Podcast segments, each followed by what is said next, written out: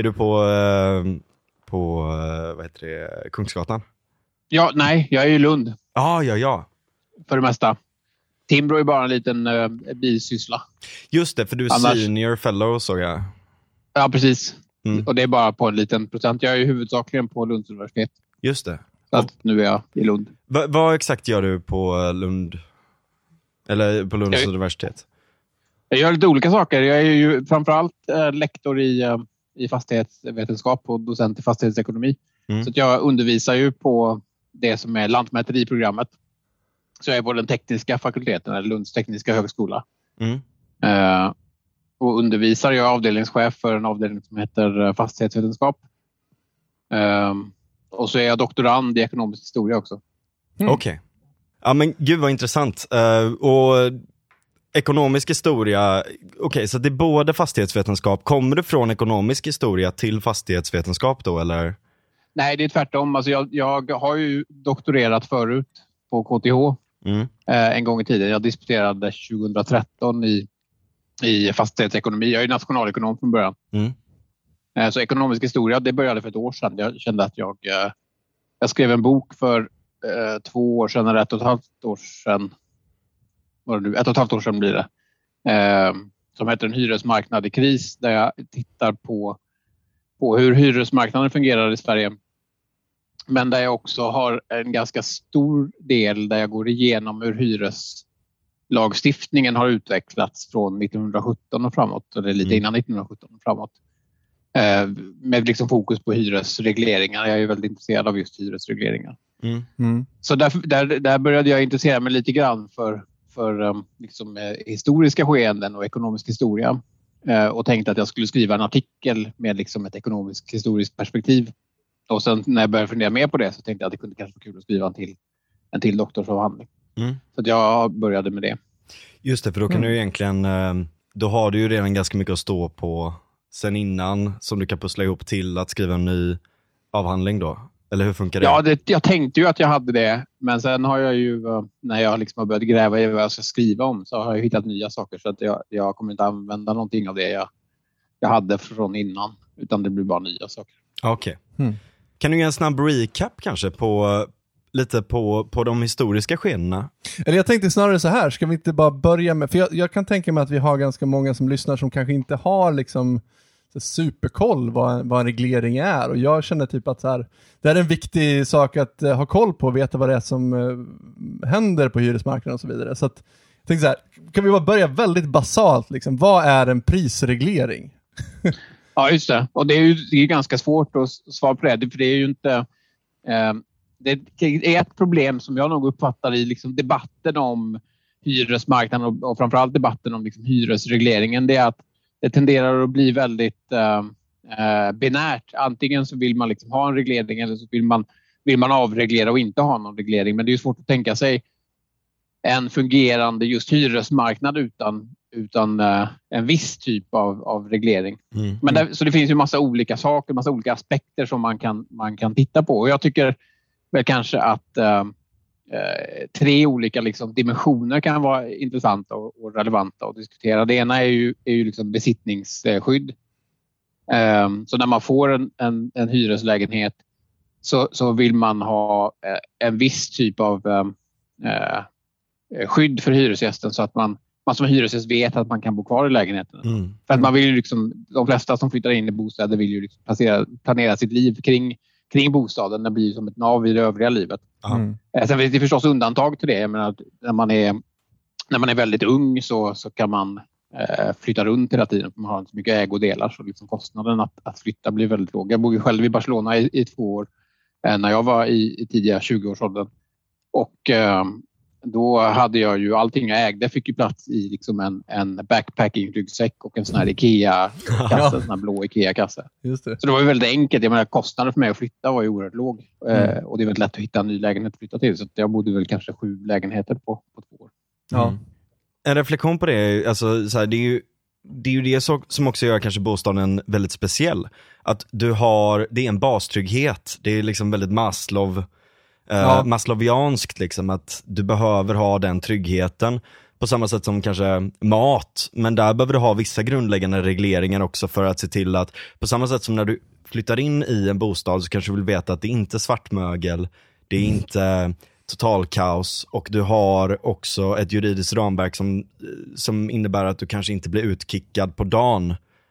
Och så vidare och så vidare. På samma sätt som med mat så måste vi ha vissa grundläggande regleringar runt de här sakerna också för att du inte ska bli förgiftad eller för att det ska finnas någon form av grundläggande kontroll på, på vad som produceras. Så att, jag menar, det, det är väldigt få, alltså från, även från mark marknadsliberalt håll som totalt liksom säger att vi ska inte ha någon form av reglering överhuvudtaget kring de här sakerna. Nej, nej precis. Och, där, och jag tror kanske på hyresmarknaden så är det ganska, det, det sker ändå ganska ofta att man, man ser folk som säger att vi ska inte ha någon reglering, men jag tror att det är mest för att man inte riktigt har tänkt på vilka typer av regleringar som finns, för att det är ju väldigt komplext och de flesta har inte tänkt jättemycket på hur hyresmarknaden bör regleras. Mm. Med mat är det kanske mer tydligt och det här eh, och det kanske vi kommer in på senare eh, om vi ska prata om, om liksom fler typer av regleringar som finns på bostadsmarknaden generellt. Det här med som också finns på mat då, att det kan vara vettigt att reglera att man inte får ha arsenik i, i, i mat liksom, i allt för Ja. stora eh, halter. För det är en sån sak som jag som konsument har väldigt svårt att bilda mig en uppfattning om det. Om jag köper ris så har jag, jag har liksom inga sätt att hemma mäta hur mycket arsenik det är i det riset jag har. Nej. Och då är det ganska tryggt att veta att vi har lagstiftning som säkerställer att det får inte vara så mycket arsenik i riset. Så då, Mm. då kan jag äta det utan att, att dö. Liksom. Ja, Mm. precis. Eh, och samma sak gäller ju med bostäder. Där, där är det också eh, en bra liksom, liknelse för bostadsmarknaden skulle ju vara brandskydd. Det är ju väldigt svårt för mig att, att bilda mig en uppfattning om varje, varje rum i min lägenhet är en liksom, enskild brandcell eller inte. Om, om Mm. bränder skulle sprida sig från vardagsrummet till, till mitt sovrum till exempel. Det har jag, har jag ingen aning om. Jag har liksom ingen koll alls på konstruktionsteknik. Mm. Eh, Så där är det ju också ganska betryggande att, eh, att, att veta att det finns en reglering som, som åtminstone har, har eh, eh, minimerat det här problemet. Sen finns det ju kvar fortfarande. Vi såg ju i London för några år sedan det här Grenfell Center som eh, Just det. började brinna och liksom, Just det. eh, brann ner totalt Mm. eh, på jättekort tid. Eh, där var ju brandskyddet inte adekvat helt enkelt och, och, eh, hade ju inte passerat de, de regler som, som, eh, som var gällande. Mm. Mm. Eh, Så, så regler är ju liksom ingen garanti men det, det blir ju en viss trygghet i att de flesta kommer ju att, följa de där reglerna. Ja, Mm. och dessutom så blir det också lite liability-grej liksom. Vem ligger det på om en så, sån sak händer? Om hela ditt hus brinner ner för någonting som kanske du inte har eh, så att säga varit ansvarig för om du bor i ett stort bostadshus till exempel. Då är det så här, då kanske du inte lämnas på gatan utan då är det de som har felat rent juridiskt. Mm. Så att där, där kan det verkligen vara ett skydd. Men det är, jag tänker att det är lite skillnad på, på de här grejerna som handlar om säkerhet och som handlar om Mm. eh, alltså konstruktionsregleringar och, och så vidare. Eh, och Det kan vara allt från det här till liksom hur mycket luft det finns inne, eh, hur, hur, eh, och, och liksom hur det hantera mögel eller vad fan som helst. Liksom. Um, och att det måste kontrolleras. Men det är en väldigt stor skillnad på det och att reglera priser. Mm. Det är en väldigt stor skillnad eh, och därför ska man ju kanske vara lite försiktigare när man just reglerar eh, priser och fundera över vilka typer av argument har man för att reglera priser. Och där tycker jag liksom besittningsskyddet, eh, om man vill ha ett besittningsskydd, man kan ju tänka sig en hyresmarknad utan besittningsskydd där, där de som hyr bor i, i liksom bara begränsade perioder. Och då skulle vi ju få en hyresmarknad som skulle bestå av typ studentbostäder och, och andra liksom övergångsbostäder där folk bor en kort period och sen så flyttar man till någonting och, och, och så köper man liksom sin bostad. Mm. Eh, och det finns ju länder som har sådana marknader också. Eh, så det kan man ju tänka sig om man, om man vill ha det. Men om man, om man nu vill ha liksom en stor hyresmarknad eller en relativt stor hyresmarknad då kommer det att krävas en, en lagstiftning som gör att folk kan bo eh, under en längre period på hyresmarknaden. Så då krävs Mm. ett besittningsskydd och besittningsskydd kräver dels liksom regler i vad har hyresvärdar för möjlighet att säga upp ett hyresavtal. Mm. Eh, och, och där kan man ju tänka sig att vi har, liksom, som i Sverige, så, så är det svårt för en hyresvärd att säga upp ett hyresavtal. Det krävs i princip att hyresgästen eh, missköter sig på något sätt. I Mm. andra länder så, så har man typiskt sett en vanlig liksom, inslag i hyreslagstiftning. Det är att hyresvärden kan säga upp lägenheten om man ska bo i den själv.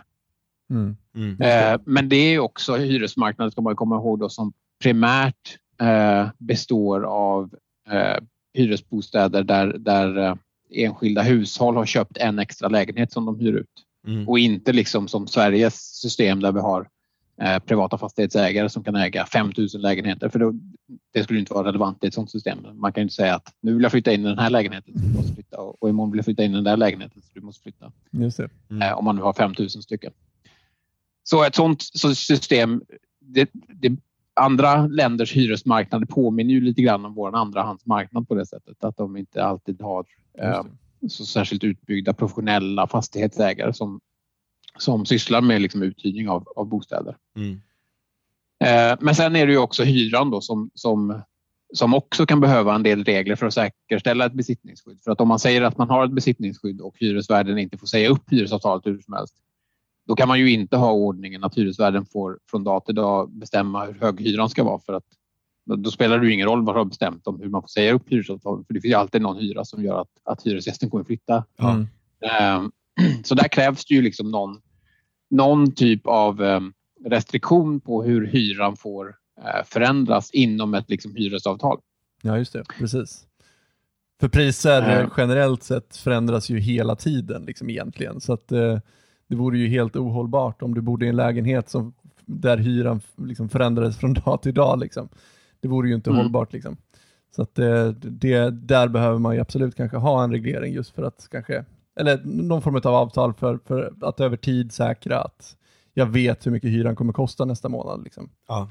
Ja, just det. Mm. Jag har ju haft det förslag som jag själv har presenterat, som jag presenterade i samband med, med min eh, bok då för ett och ett halvt år sedan, är att vi ska ha en, eh, en stark liksom besittningsrätt, men inte att den ska vara som idag, att den är för evigt. Jag bor ju själv i en hyresrätt och jag, jag får ju liksom bo kvar där för alltid så länge jag fortsätter betala hyran och i övrigt eh, inte missköter mig.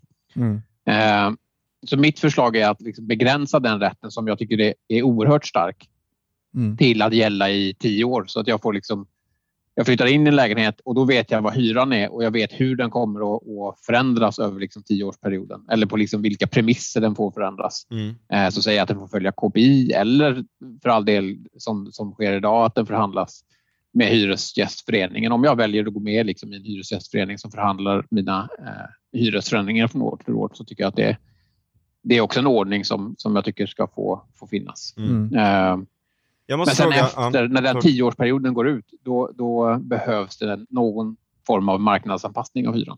Just det. Okej, ja. För hur, hur, alltså det här med hyresföreningen och så, det är, Hyresgästföreningen, det har ju varit väldigt mycket tal om det på senaste.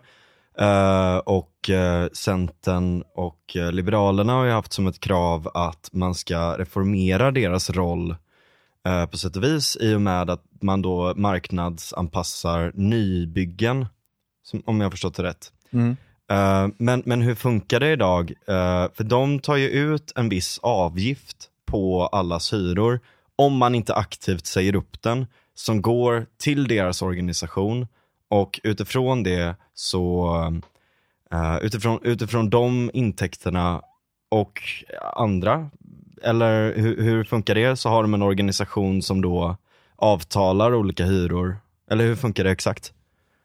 Ja, alltså då, vi har ju, det är liksom den ena delen av svensk hyreslagstiftning eh, som bestämmer hur hyrorna förändras från år till, till år. Ja, för det är, liksom, det är två olika saker då som lagstiftningen bestämmer. Det ena är hyrans nivå och den kan vi prata om sen och då hyrans förändring från år till år som bestäms genom hyresförhandlingslagen eh, som ger Hyresgästföreningen eh, i, I praktiken så ger den just Hyresgästföreningen, alltså den organisationen, rätten att förhandla hyran. I lagen så står det en etablerad hyresgästförening eller en Mm. etablerad hyresgästorganisation. Men, men det är ju Hyresgästföreningen i nästan alla fall. Jag tror att de förhandlar hyran för 90 procent av, av Mm. hyresrättsbeståndet. Mm.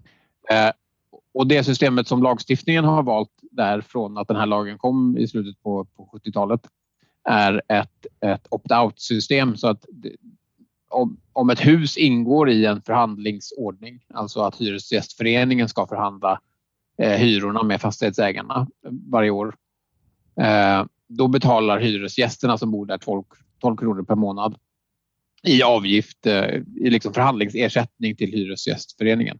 Mm. Eh, där hade man ju kunnat tänka sig ett annat eh, system att man istället skulle ha ett opt-in system så att om jag, om jag vill att Hyresgästföreningen ska förhandla min hyra så, så går jag aktivt med eh, och, och betalar 12 kronor i månaden i, i liksom ersättning.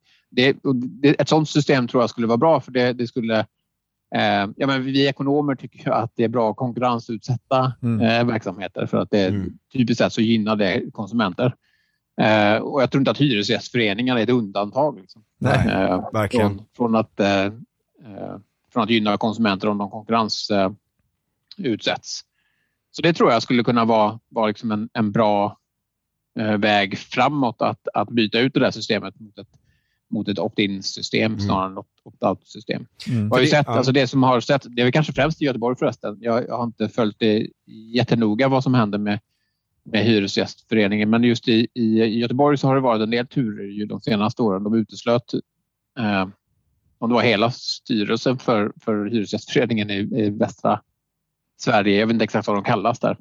Trotskister. Ehm, ja, de hade ju precis, men de hade ju en, en, eh, en kommunist som, eh, ja. som eh, ordförande. Just det. Eh, Det minns jag att jag läste för några år sedan, en intervju med, med honom och han fick frågan varför han hade hammaren skäran intatuerad på.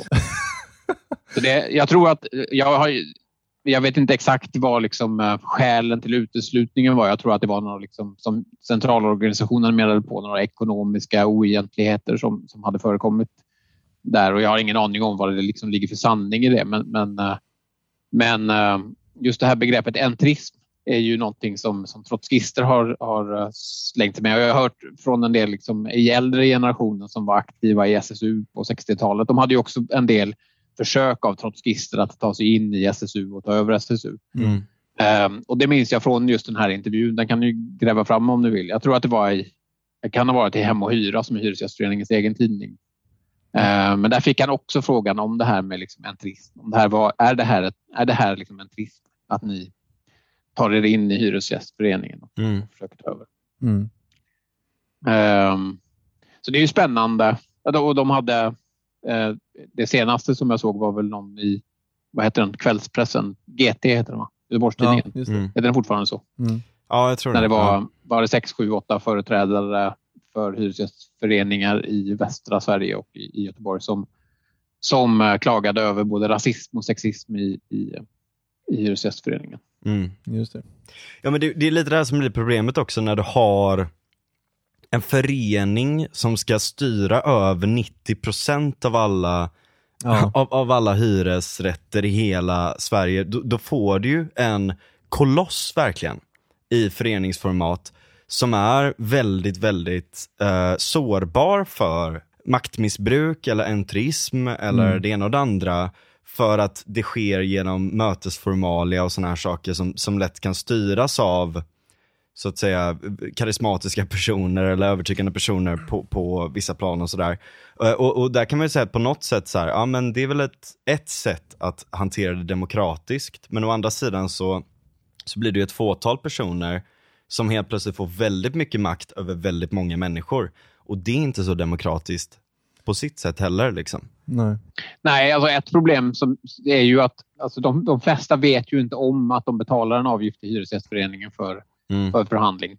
Nej. Så där, och de, de absolut allra flesta hyresgäster organiserar sig ju inte i Hyresgästföreningen. Så det, det är ju liksom, eh, eh, många är ju medlemmar och sådär, men att aktivt vara med liksom att, eh, att driva förändringsarbete eller opinionsarbete eller eh, liksom gräsrotsarbete inom föreningen, det, det gör ju inte de flesta. Så, så precis, det, det blir ju väldigt många, det blir stora resurser för att det är väldigt många som betalar då 12 kronor i, eh, i månaden. Det på årsbasis så är det här liksom 200 miljoner kronor som, Mm. som det rör sig om. Så, så bara där är ju liksom en oerhört stor summa. Sen är ju medlemsavgifterna är ju mycket mer än så. Ehm, så totalt sett så är det väl eh, 800-900 miljoner på, på årsbasis som Hyresgästföreningen har att, Eh, att röra sig med. Vilket ju är förstås eh, väldigt mycket resurser. Mm. Och då, då är det klart att det, det kommer att eh, uppstå olika politiska strider om att försöka komma över de där resurserna och Ja. kunna liksom föra fram sin egen agenda. Det säger ju sig självt. Det säger ju de, alla organisationer har väl liksom Mm. i eh, mer eh, eller mindre utsträckning eh, risk för att utsättas för just sådana Ja, verkligen. Och så, och så det kommer ju något nyligen nu också med att de flesta där bor i bostad, alltså de som väl är Ja, på höga positioner också bor i bostadsrätter. Ja. Kanske för att de kammar hem en ganska god slant från det. Eh, och sådär också, då kan man ju prata om att okej men vad är egentligen funktionen med det? Då blir det bara en administrativ, alltså varför har man det inte som en myndighet om det sköts som en myndighet? Ja, jo precis. Och, och det inte finns den här gräsrotsidén och om det inte blir ett resultat av gräsrotsaktivitet utan vi ser de här resultaten som, som sker idag, vad är egentligen poängen med det då? Mm. Jo, men där är, jag är ju inte så insatt i Hyresgästföreningens eh, organisation, men, men de har ju, det som lyftes fram i den artikeln, det var väl Expressen tror jag som skrev om det, det är ju de liksom tjänstemännens löner. Mm. Och de är liksom anställda av, av organisationen. Har, så, så det finns ju den liksom professionella biten av organisationen, folk som är avlönade för att göra ett visst arbete. Mm. Sen finns det ju också de förtroendevalda som är ute i, i liksom mer Ja. ja. gräsrotsmänniskor som arbetar med, och de arbetar ju med allt möjligt. Eh, eh, Hyresgästföreningen gör ju väldigt mycket bra saker, men de Mm. har eh, anordnar, eh, nu under pandemin har de haft eh, någon satsning där eh, som jag inte minns exakt vad den heter, men som handlar om att hjälpa sina grannar, liksom handla åt de som är äldre och inte kan gå ut i affärerna och sådär. Mm. Ja men det är superbra. Eh, och sen liksom på väldigt lokal nivå så, så anordnar de ju grillkvällar för grannar och sånt där. Så det är, det är väldigt mycket liksom trevligt som de, de gör också. Men sen som i alla organisationer som blir väldigt stora så, så, så kommer det ju finnas...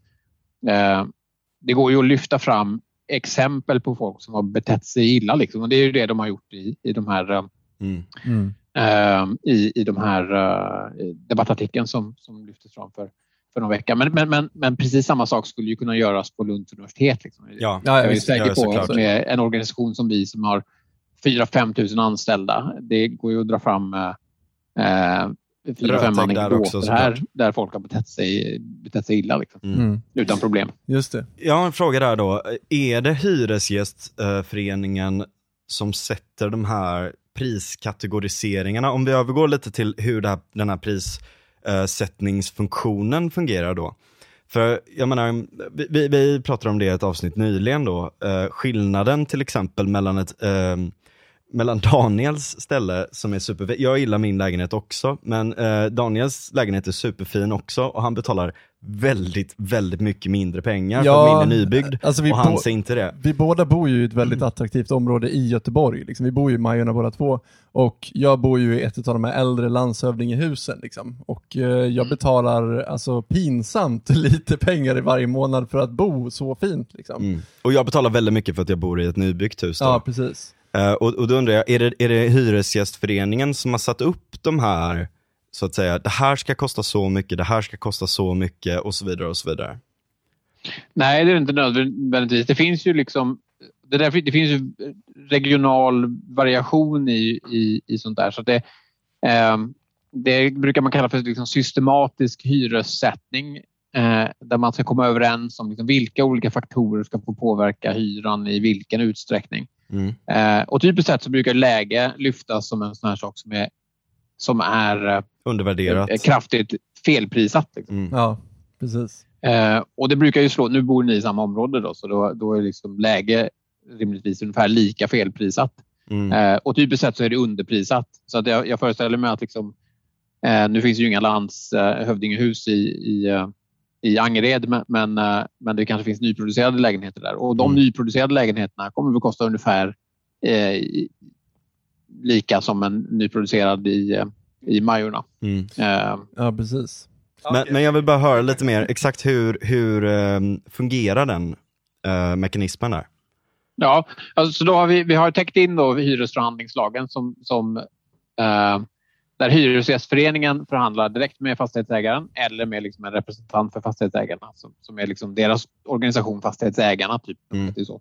Typiskt sett så är det ju är de som, som, eh, som förhandlar. Det är liksom en tjänst som man kan som fastighetsägare, precis som en hyresgäst, då kan köpa. Fast där är det frivilligt. Mm. Ehm, eh, och ett opt-in-system och inte ett opt-out-system. Mm.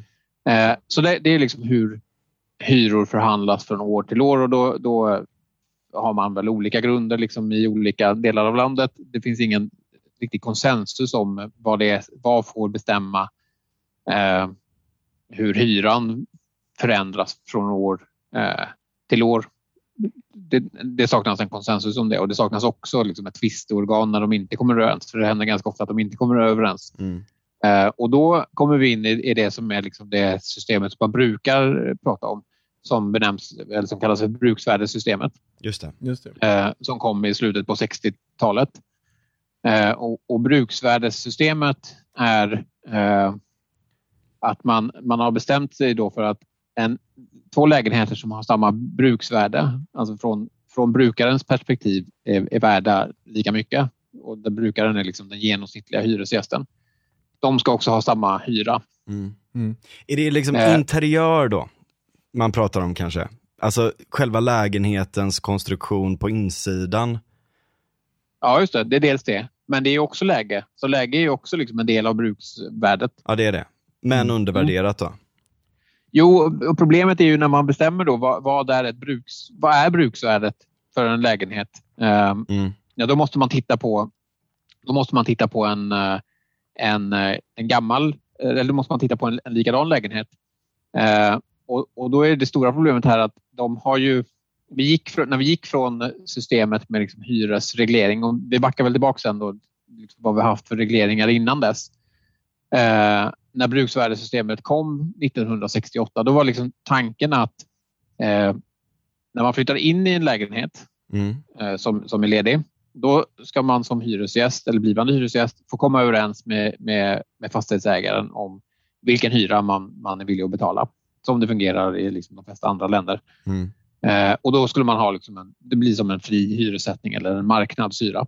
Mm. Men sen när hyresavtalet ska förlängas, då får, får man förhandla om hyran. Eh, men eftersom att hyresvärden i, vid förlängningen har en, en överhand mot, mot eh, hyresgästen Eh, för att hyresgästen gör mycket större sociala investeringar. Man liksom hittar en skola till barnen och man lär känna liksom vänner i, i, i grannskapet och man lär sig hitta och, och sådär. Mm. Eh, det gör att hyresvärden skulle kunna ta ut en mycket högre hyra av eh, den personen som hyr för tillfället än ja. vad han skulle kunna ta ut av någon annan på, på marknaden. Oj, man kan ta ut en hyra som är högre än marknadshyran för att, för att transaktionskostnader är höga och för att folk inte vill vill flytta. Ja, Just det. Gud intressant. Det är sant. Ja. Det är sant. Det är eh, så det var, liksom, det var tanken med, med bruksvärdesreformen. Eh, mm. mm. Så, så liksom hela tanken där var, vi hade en hyresreglering och vi vill ha fri hyressättning. Här har vi liksom ett, ett välfungerande system som är bruksvärdessystemet. Eh, men eh, dessvärre så, så, så sket ju det sig eh, lite grann för att man, man hade några olika undantag. Ett av undantagen var att på eh, orter eh, där man bedömer att det är bostadsbrist då får inte, då får inte eh, bruksvärdesprövningen ske mot en likadan lägenhet. Eh, utan bruksvärdesprövningen måste ske mot en nyproducerad lägenhet. Mm. Och det där är liksom nationalekonomiskt eh, rimligt. För att man tänker sig på att en, en marknad som är, befinner sig långsiktigt i balans så kommer hyror aldrig vara högre än nyproduktionshyror. Nej, just det. Mm. För att om, om jag menar, då är ju marknaden inte längre i balans. För mm. om hyrorna blir högre än, än, än vad det kostar att bygga lägenheter, alltså vad, vad liksom nyproduktionshyrorna speglar, ja då kommer det ju byggas tills, tills det där stämmer. Liksom. Mm, just det. Mm. Men det, problemet, är ju är då, problemet är ju då att, att, att, liksom, att man har sådana regleringar och även då plan och byggnadslagen, vad det innebär att få tillstånd att bygga och alla överklagande processer och allt sånt där görs att det inte byggs då. Ja, precis. Eh, och det, när man var i den här situationen, jag menar det här var ju efter 1968 då, eller 67 när man presenterade lagstiftningen. Då hade man ju reglerat hyrorna i 25 år mm. Eh, mm. fram till dess. Så då har man ju byggt upp ett oerhört stort underskott. Bostadsköerna var jättelånga på den här tiden. Mm. Just det. Det var, ju dessutom, det var innan miljonprogrammet. Liksom. Det var precis när miljonprogrammet hade börjat. Så ja. Man hade heller inte byggt eh, särskilt många bostäder. Mm. Ja, just det. Så man var ju orolig för att, att vi skulle få liksom väldigt kraftiga hyresstegringar. Eh, och, och, då finns det liksom en nationalekonomisk rim och reson i att, eh, att istället pröva mot nyproduktionshyrorna. Men så står det också i lagstiftningen att nyproduktionshyror, det är bara i princip bara Eh, kommunala bostadsbolag som bygger i den här perioden. För de har liksom reglerat bort privata initiativ på bostadsmarknaden i med liksom 25 års hyresreglering. Mm. Och kommunala bostadsbolag de bygger ju liksom subventionerat och har kostnadsprissättning så de har ingen marknadsprissättning. Ja, ja, Så då står det i förarbetena att det blir, det blir ju i princip en fortsatt eh, hyresreglering på Mm. de här orterna som bedöms. Där, där, eh, alltså bristorter där man inte får pröva bruksvärdet mot likvärdiga lägenheter utan istället mot, eh, eh, mot nyproduktionen. Mm. Sen några år senare då tar man bort det här undantaget. Men man tar inte bort det som ett undantag för bristorter utan man, man utvidgar det till alla orter. Så det är inte längre bara bristorter utan det är överallt så ska det Jaha. prövas mot, Oj. mot nyproduktionen. Och sen, eh, sen byter man ut det där nyproduktionen mot att det ska inte bara prövas mot nyproduktion för det börjar ju liksom komma privata initiativ så då ska det prövas mot det kommunala bostadsbeståndet istället. Eh, och det systemet hade vi ju länge fram Mm. till, eh, till, till 2000-tal. Mm. Det är väldigt intressant det där med, med incitamentsystemen där för att potentiellt höja hyrorna. För att jag menar, å andra sidan så kan du, alltså om man ser det rent spelteoretiskt då, så kan du, kan du ju också se argumenten för varför en fastighetsgivare, alltså nästan lite så här Lindy-effekt liksom, att om en person har eh, varit där och skött sig under en viss tid så är det en säker investering. Att den personen inte kommer att, alltså ju, ju längre det går innan den personen börjar fucka upp på riktigt, desto större chans är det att den inte fuckar upp i framtiden. Och, och, Mm. och beter sig dåligt eller inte betalar hyran eller något sånt där. Så det blir en säkrare investering ju längre tiden går också, vilket är ett väldigt stort värde om man sen vill satsa på nya lägenheter. Så om man har liksom så där finns ju ett incitament även från fastighetsägarnas sida då, att ha kvar hyresgäster och inte göra för höga nya hyror. Men, Ja, ja, absolut. Det där tycker jag är någonting som glöms bort ofta i debatten. Man målar upp fastighetsägare som, som att det de vill göra är att maximera hyrorna. Eh, och så, så tänker man sig att man likställer det med att de vill maximera vinsterna. Men det, men det är inte alls samma sak. Att ta ut den högsta hyran är inte nödvändigtvis den högsta, precis. den högsta vinsten. För att ju högre hyror det är, desto högre är riskerna för, för vakanser. Ja. Eh, Det ser vi liksom i nyproduktionen idag där hyrorna är ganska höga. Folk flyttar ganska mycket i, i, i de bestånden. Mm. Mm. Och det vill ju inte fastighetsägare. Det kostar, kostar ganska mycket att hitta en ny hyresgäst. Eh, dels är liksom sökkostnader, att du måste hitta någon som vill flytta in. Eh, för det är ju inte så att du bara annonserar ut lägenheten och så, så kommer du någon dag efter och, och flyttar in utan du måste visa den där lägenheten för folk Mm. och så Ja, kommer det. några att tacka nej och så måste du visa den för nya människor.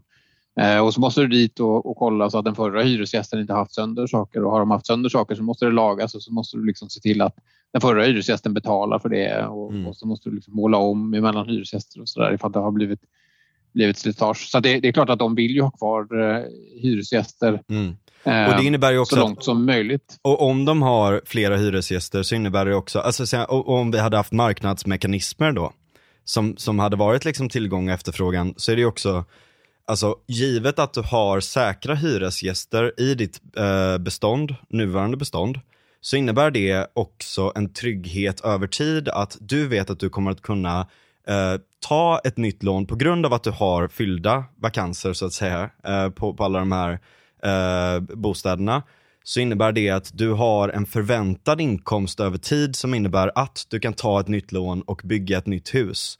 Så att du kan fylla det huset också och förlita dig på det och så vidare och så vidare.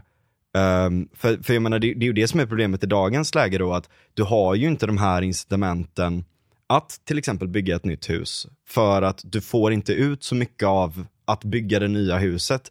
På grund av att du inte kan gå lite med vinst. Ehm, och inte för mycket med vinst då så att du skrämmer bort dem. Eh, så, och, och sen bygga ett nytt hus och ett nytt hus och ett nytt hus. Och, och liksom så att säga bygga över tid då. Ja, alltså det är en sak som man brukar måla upp om hyr, hyresregleringar är att det hämmar nyproduktion av bostäder. Och där har vi, ni har ju redan observerat då att ni bor ju i samma område fast i en gammal och en ny lägenhet. Mm. Och hyrorna skiljer sig väldigt mycket där. Mm. Ehm, så det finns ju de incitamentsproblemen att det inte byggs så mycket har man ju försökt att korrigera genom att tillåta högre hyror. Det är ju liksom också en av tankarna med bruksvärdessystemet att eh, har en lägenhet högre kvalitet, ja, då, då ska man också få ta ut en högre, en högre hyra. Mm. Eh, sen har bruksvärdessystemet fungerat aldrig jättebra på det, så där har vi andra typer av system som, eh, som korrigerar för det. Ett är ju det som kallas presumtionshyror Mm. som, Mm, eh, som har funnits i 15 år nu. Där, där, eh, där den som vill bygga, en fastighetsägare som vill bygga först förhandlar med Hyresgästföreningen, så Hyresgästföreningen är inblandad här också. Eh, Mm. och då får man visa liksom på en, en, en ekonomisk kalkyl och säga att den, den här hyran behöver jag liksom kunna ta ut för att få, få en kostnadstäckning inklusive då en, en skälig vinst som man Mm. ska argumentera för vad som är liksom en skälig vinst. Mm. Eh, och så, så kommer man överens om, om vad liksom presumtionshyran är. Och sen gäller den i 15 år. Och det där är ju någonting som jag tror blir väldigt intressant. Eh, för det har inte skett i någon större utsträckning än. Men om man liksom vill se spelteoretiskt på det där så är det den här 15-årsperioden, då har man dels har man en högre hyra eh, för att få täckning för kostnaden att bygga. Eh, men i och med att man får ta ut den där högre hyran så får den lägenheten inte ingå som referensmaterial i bruksvärdessystemet.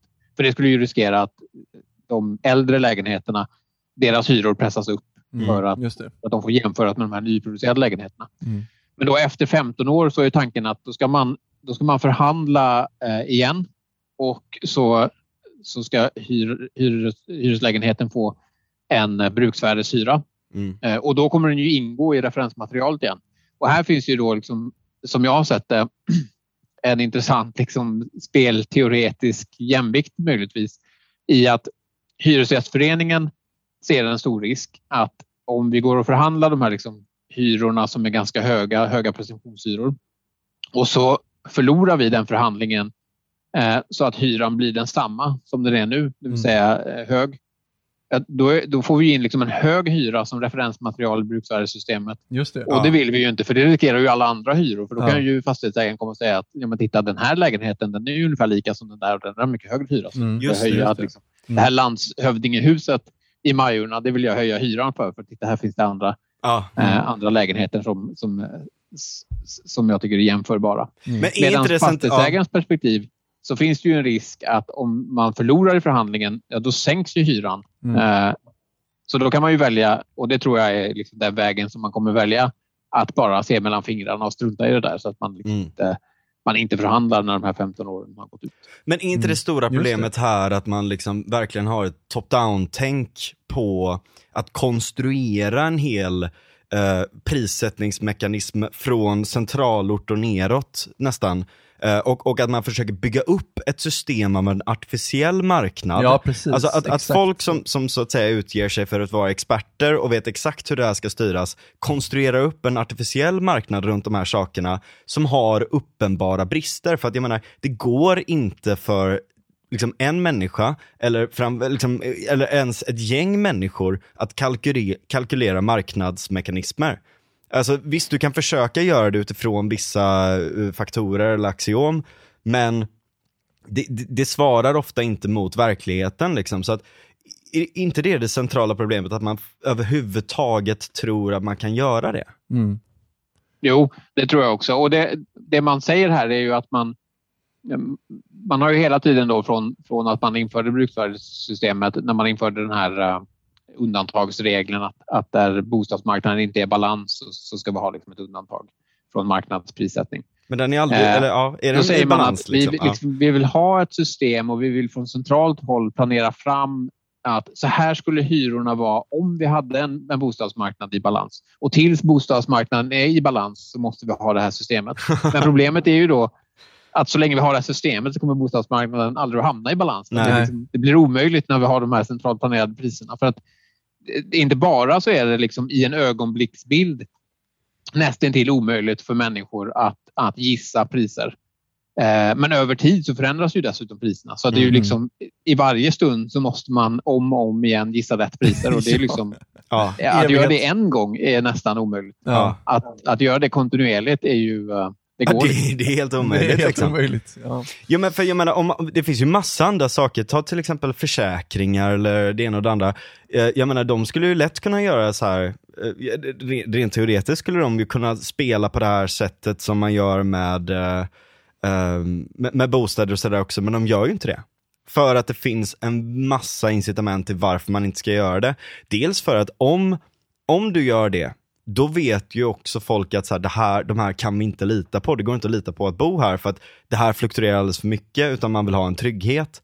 Och, och så vidare och så vidare. Massa andra sådana här faktorer. Så att vi har ju massa marknader som fungerar, som inte har extrema fluktuationer, som inte har extrem osäkerhet, utan som, utan som fungerar över tid.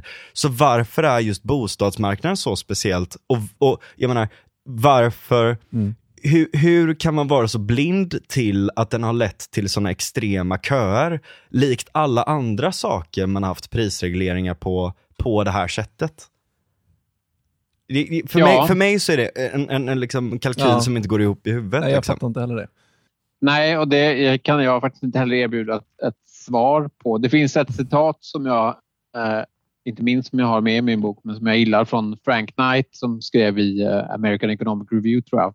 Och jag tror att citatet är från typ 48 eller 47. Mm. Där han säger någonting i stil med att eh, om människor inte kan förstå att ett, ett pris eh, som man bestämmer till under jämviktspriset skapar, eh, skapar en bristsituation eh, och ett pris som man bestämmer till över jämviktspriset skapar ett överflöd. Eh, om människor inte kan förstå, förstå det sambandet så, så ser han ingen poäng överhuvudtaget med att undervisa nationalekonomi längre. nej, nej, men precis. Ja. Exakt. För det är en ganska basal grej liksom. Det, ja. Ja. Men det, är, det, det kan man tycka. Alltså att, eh, att, att det är, alltså jag sysslar ju mycket med, med hyresreglering och senast, eh, min senaste artikel som handlar om hyresreglering eh, som, jag själv tycker är intressant, alltså vetenskaplig artikel som jag skickade in till en tidskrift. Den fick jag tillbaks med, med förvisso bra kommentarer men, men den blir inte publicerad. Och en av de liksom, det tyngst vägande skälet var att allting är liksom, det är intressant och det är ett intressant case. Jag tittar på Stockholm. Men jag har inte lärt oss något nytt om hyresreglering. Och det där är ju liksom, för oss nationalekonomer så är det så. Det vi vet om hyresreglering eh, I att det inte funkar. prisreglering generellt, det har vi vetat jättelänge. Ja. Och varje gång som priser regleras så sker exakt samma sak. Ja. Och när det regleras för, för bostäder så får vi en svart marknad. Vi får ombildningar till det som inte är prisreglerat. Och Mm. liksom I Sverige så är det bostadsrätter. Eh, vi får effekter på renoveringar eh, över tid. Folk slutar flytta. Liksom alla de här sakerna. Mm. Det, det sker med, utan undantag så har det skett varje gång som det har studerats. Eh, men ändå så, så fortsätter folk att säga att, att det beror på andra saker. Nu senast för, för ett, ett eller två år sedan så reglerade man hyrorna i, i Berlin. Ja. Mm. Man införde ett hyrestak. Just det, ja. Mm. Och precis det vi förväntar oss. Folk slutar flytta. Utbudet av reglerade hyresbostäder har halverats eh, och, liksom i vissa områden nästan till försvunnit. Mm. Eh, och det vet vi. Liksom. Vi, vi. Jag kunde säga det, eller det sa ju ekonomer också innan man införde hyrestaket. Det är precis det här ni kan förvänta er. Mm. Men lik förbannat så står folk nu och säger att är det är, är, är pandemin som gör att, att eh, det inte finns några lediga lägenheter. Aha. Men i Ja. alla andra tyska städer där man inte har satt in ett hyrestak, där är liksom hyresmarknaden som innan. Ja. Så där, då får man ju säga att men då har, pandemin har bara slagit till i Berlin. Ja, Ja, ja, exakt. Precis. Ja, det är väldigt konstigt. Och så skrämmer man upp folk med den här idén om att om vi inte skulle ha regleringar, då skulle hyrorna sticka iväg och då skulle folk hamna på gatan. Och det är ju, alltså det är ju en, alltså rent teoretiskt så är det ju korrekt så att säga. Och, om vi skulle släppa marknaden fri nu så skulle ju hyrorna sticka iväg och det skulle få ganska förödande konsekvenser för På- människor. Möjligtvis Men- på kort sikt om Ja. man inte bygger nytt då. Precis. Och det, och, och det är absolut någonting att, att, att, att ta på allvar så sett. Men jag menar, det går ju att tackla, alltså det, det är som att man eh, att man befinner sig i ett destruktivt beroende på något vis och sen säger att nej men vi ska inte leva sundare för att abstinensen blir så jävla svår. Då får man ju Mm. tänka hur man ska trappa ner det här osunda levernet, alltså trappa ut det liksom. Istället för att liksom skrämma folk att vara rädda för abstinensen. Liksom. Mm. Ja, och så är det ju. Jag menar, alla seriösa förslag att, att införa ett annat system eh, har ju kommit med eh, övergångsregler som är ganska Mm. långa. Liksom. Mm. Och vill man vara extrem så kan man tänka sig att vi tillåter en fri hyressättning i, i liksom nya kontrakt. Varje gång någon flyttar från en lägenhet så eh, då får vi, då får vi sätta in eh, ett nytt hyressättningssystem. Då får hyran vara fri. Mm. Så då drabbar det ju ingen som bor eh, idag. precis. Så Mitt Precis. eget förslag var att, att man liksom fasar in det på tio år så att alla som bor i hyreslägenheter idag de får behålla samma hyra som de har idag i, i tio år. Ja. Eh, och om tio år så, så blir det liksom en marknadsmässig hyra. Ja. Just det, har man inte gjort så i New York också? Att, att de som bor i nuvarande, jag, jag, jag är ingen expert på New Yorks marknad, men, men där har du också det problemet att det är, liksom, Manhattan är ju en ö, eller en halvö i alla fall, så att där finns det ju begränsat med mark att faktiskt Mm. bygga ut. Liksom. Om Samma du- med London, för att Ja, eh, annars kollapsar det för de har så mycket katakomber och grejer under. Ja men precis. Så att, så att där har de ju löst det så, som jag har förstått det, att, att de som bor eh, i reglerade hyror får göra det tills de flyttar och då blir det mer marknadsanpassade hyror. Mm. Jo, men det, där, och det är ett vanligt sätt att avreglera på. Att man, då får man ju ofta flera parallella system. Jag vet inte hur många de har i, i New York, men de har, varje gång de har bytt system så har liksom de lägenheterna som hade, eller de hyresgästerna rättare sagt, och ibland tror jag lägenheterna som hade en reglerad hyra innan har fått bo kvar med liksom samma. Och det gör att de kommer aldrig att flytta. Jag, jag, min favoritfilm brukar jag säga, och det är inget skämt men folk tror alltid att det är ett skämt, eh, är You Got Mail med, med Tom Hanks och Meg Ryan. Om har sett den? Det var väldigt oväntat. Ja. Nej, jag är en sån sucker för, för romcoms. Ja. Eh, så den, den gillar jag och där finns det en scen i... Alltså storyn i den här filmen är ju att, att uh, Meg Ryan och henne, hennes karaktär hon har en liten, liten bokaffär som hon driver i liksom tredje generationen eh, i, i New York där hon säljer barnböcker som är en så här jättemysig bokaffär där eh, hon läser högt för barn som samlas där eh, på dagarna. Och så är det Tom Hanks figur. Han, han driver också i tredje generationen en stor sån här eh, eh, bokkedja som typ Walmart för böcker. Mm. Mm. Eh, och så öppnar han upp precis bredvid hennes, eh, eller i samma kvarter. Och hon går i konkurs förstås. Mm. Eh, Direkt. Eh, eller ganska omgående. Men då är det en, en scen där hon har väldigt många anställda i den här butiken som jag aldrig förstått. Jag, jag tänker mig att det är liksom en av förklaringarna till att hon går i konkurs.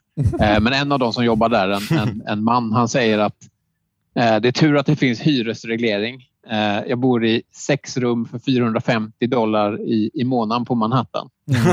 Vilket ju är i princip ingenting. Ju. ja. Mm. Eh, jag vet inte vad marknadshyrorna, det här är ju en film från 98, jag vet inte vad marknadshyrorna var i Manhattan eh, 98 men, men mer än 450 dollar. För Ja. Men han är i alla fall inte särskilt bekymrad över att förlora jobbet och sin inkomst för att han betalar typ ingenting för Ja. bostaden. Så Mm. det gör. Ja, nej men det där är intressant också för eh, jag menar, man kan ju tänka sig att nej, men det, det skapar, eh, alltså att vi får inga flyttkedjor helt enkelt. Det vill säga att eh, en flyttar, en flyttar in, en flyttar in i deras gamla lägenhet och någon flyttar in i dennes gamla lägenhet och så vidare. Liksom, det är det flyttkedjor är då för, för er andra.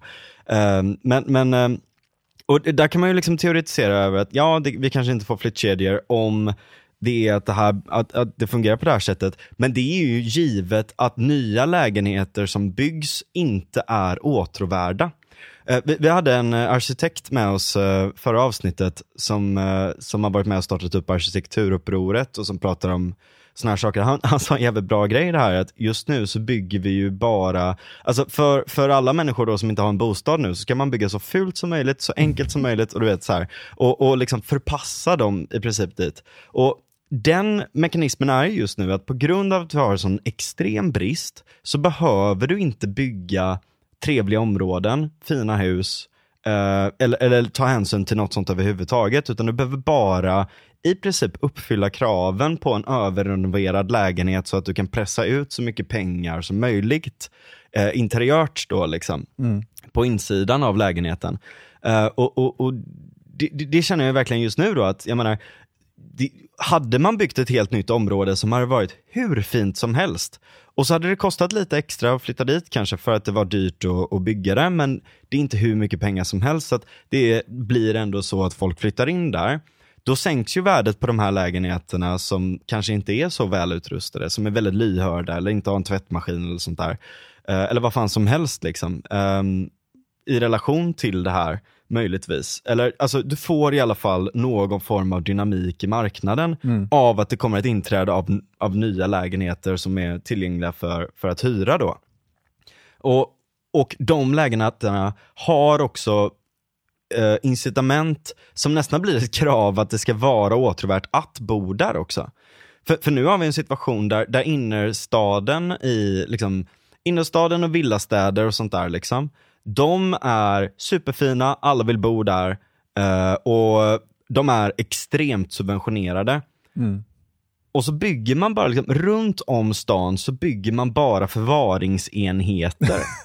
ja, det, det är ju så det ser ut. ja. Det är baracker Ja. som man bygger. Ehm, och, och, och det kan ju knappast vara så här, om det är inte bara det att vi ser en ojämlikhet eh, och en privilegiemarknad.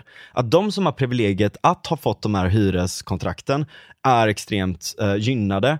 Utan vi ser också de dynamiska effekterna av att det som väl byggs inte tar hänsyn till någonting förutom att vara en, en, en, liksom en förvaringsenhet där någon kan flytta in. Och, och jag menar, bara där borde ju folk se konsekvenserna av det här. Så här kan vi inte ha det. Vad är det för jävla incitament för, för ett samhälle liksom? Mm. Ja, men alltså det finns några liksom intressanta aspekter där och, och, och gräva vidare i. Den ena är ju, och det, jag tror man ser mindre av det nu än vad man gjorde på 60-70-talen och liksom innan. Eh, för där hade vi, när vi liksom införde hyresregleringar, det, den första effekten är att folk slutar flytta för att eh, särskilt under liksom krigstid när man införde de här så hade vi liksom hög inflation och så sätter man ett hyrestak att hyran får liksom inte stiga. Eh, det, det gör ju att realhyran för en, en bostad den, den faller ju väldigt snabbt. Liksom. Eh, för alla andra priser stiger väldigt snabbt. Inkomster stiger också. Men, men, eh, men hyran är liksom nominellt densamma vilket gör att det blir snabbt väldigt, väldigt billigt att bo. Mm. Eh, så då, av den anledningen så behöver man liksom inte längre flytta om, om ens familjeförhållanden, barnen flyttar ut, maken dör. Liksom.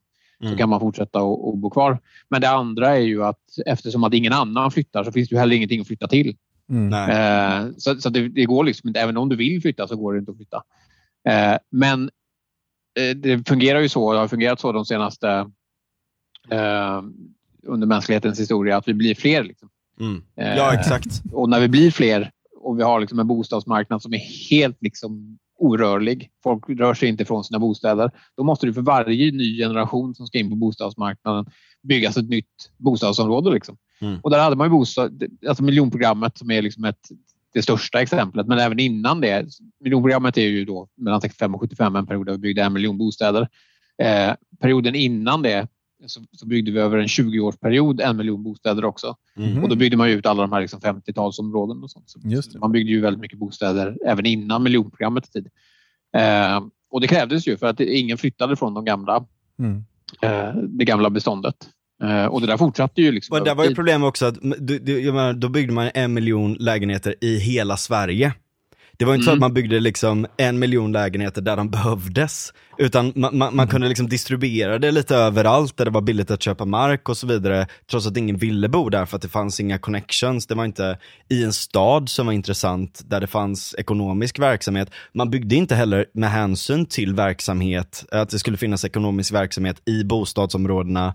Eh, utan man byggde liksom ABC-områden som liksom förväntade sig att det skulle finnas en industri.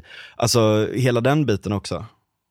Ja, just det. Jo, men det där, man subventionerade ju fram miljonprogrammet i stor del. Och det, det var ju, miljonprogrammet är ju, det förknippas ju oftast när man säger det med de här liksom stora gråa betongförorterna. Men, men i miljonprogrammet finns det ju också, det byggdes villor som också räknas in i det där. Okej, ja. radhus eh, och så byggdes det bostadsrätter också.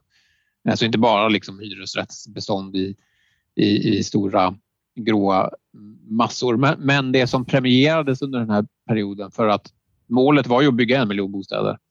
Eh, och vill man göra det med subventioner så kan man ju eh, prioritera väldigt stora projekt. Så här gav man liksom finansieringsförtur till projekt som kunde utlova tusen eller fler bostäder. Mm. Eh, och, och där, är- jag har en kollega som har, har eh, någonstans, jag minns inte exakt var, Ingmar Bengtsson som har skrivit väldigt bra om det. Att när vi har liksom den fria marknaden som bygger, då kommer det ju komma upp liksom olika typer av aktörer om vi låter dem bygga var som helst och, vad som helst. Så kommer det dyka upp aktörer då och då som bygger helt fel. Liksom.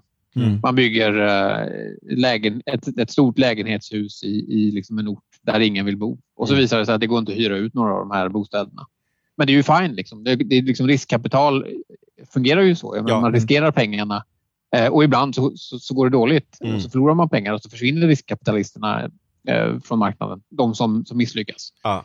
Men när, när staten gör det här på den skalan som var miljonprogrammet när man, eh, staten och kommuner och, och liksom det offentliga. När man bygger upp områden som kunde vara liksom 4 000 bostäder Eh, och så ganska snabbt in i det där så visar det sig att folk vill inte bo här och, folk, liksom, folk flyttar inte in. Mm. Så fortsätter man ändå bygga för att det är liksom planen är att vi ska ha 4 000 bostäder. Så man bara fortsätter att prångla ut de här bostäderna. Ja. Trots att saker har förändrats och, och, det var ju ganska mycket som förändrades eh, under den här tidsperioden. Så miljonprogrammet startade då 65 1965 eh, så har vi hyresreglering som, som innebär liksom att alla hyror är reglerade. Vi har en prisreglering på bostadsrätter som, som gör att bostadsrättsmarknaden fungerar precis lika dåligt som hyresrättsmarknaden. Den försvinner ju eh, 1968 och så får vi fri prissättning på, på bostadsrätter. Vi har också en, en prisreglering på småhusmarknaden. Eh, småhus som var byggda med, med, med statliga subventioner var prisreglerade. Den släpper man ju också. Men ehm, så, så, när man börjar bygga då miljonprogrammet, då har man den här situationen där all, alla bostäder i princip är, är prisreglerade eh, och för varje ny generation som ska in på marknaden så, så, eh, så måste det till liksom ett, nya bostäder. Men när man börjar släppa de här prisregleringarna på bostadsrätter och, och småhus, ja, då, då kommer ju marknaderna för dem igång. Men då har man också man har redan börjat planera för att bygga fram de här områdena som ingen vill bo i. Och sen när mm. man ger folk möjlighet att genom liksom friare marknader flytta dit de vill, ja, då, då, gör de ju det istället för att flytta in i de där tråkiga miljonprogramsområdena. Ja. Um, och sen, jag vet inte om det finns någon liksom tydlig forskning på, men en, en liksom stark hypotes som jag, som jag alltid har, funderat över, det är ju liksom att, att det, det där blev ju miljonprogrammens förbannelse. Så att många kommuner hade eh, då bostadsbestånd som var tomma. En del valde att riva med mm. liksom statliga subventioner. Mm. Andra valde att behålla dem där och så har vi haft liksom flyktingmottagande eh, som har kommit i olika eh, vågor. Så när det kommer på, på 80-90-talet så kommer det flyktingar och då, då kommer de till kommuner där det, där det är enkelt att få bostäder. Liksom. Och på mm. den tiden så var det enkelt att få bostäder i ganska många kommuner. Mm. Eh, men då hamnar de företrädesvis i miljonprogramsområden där det liksom finns väldigt många bostäder och det är väldigt lätt att få lägenheter. Mm. Eh, och sen så kommer vi ha, vi har liksom inte en perfekt eh, integrering av människor i det här samhället. Så att det, dels så är det svårt för vissa att, att få en koppling till arbetsmarknaden. Mm. För andra är det lättare att få en koppling till arbetsmarknaden.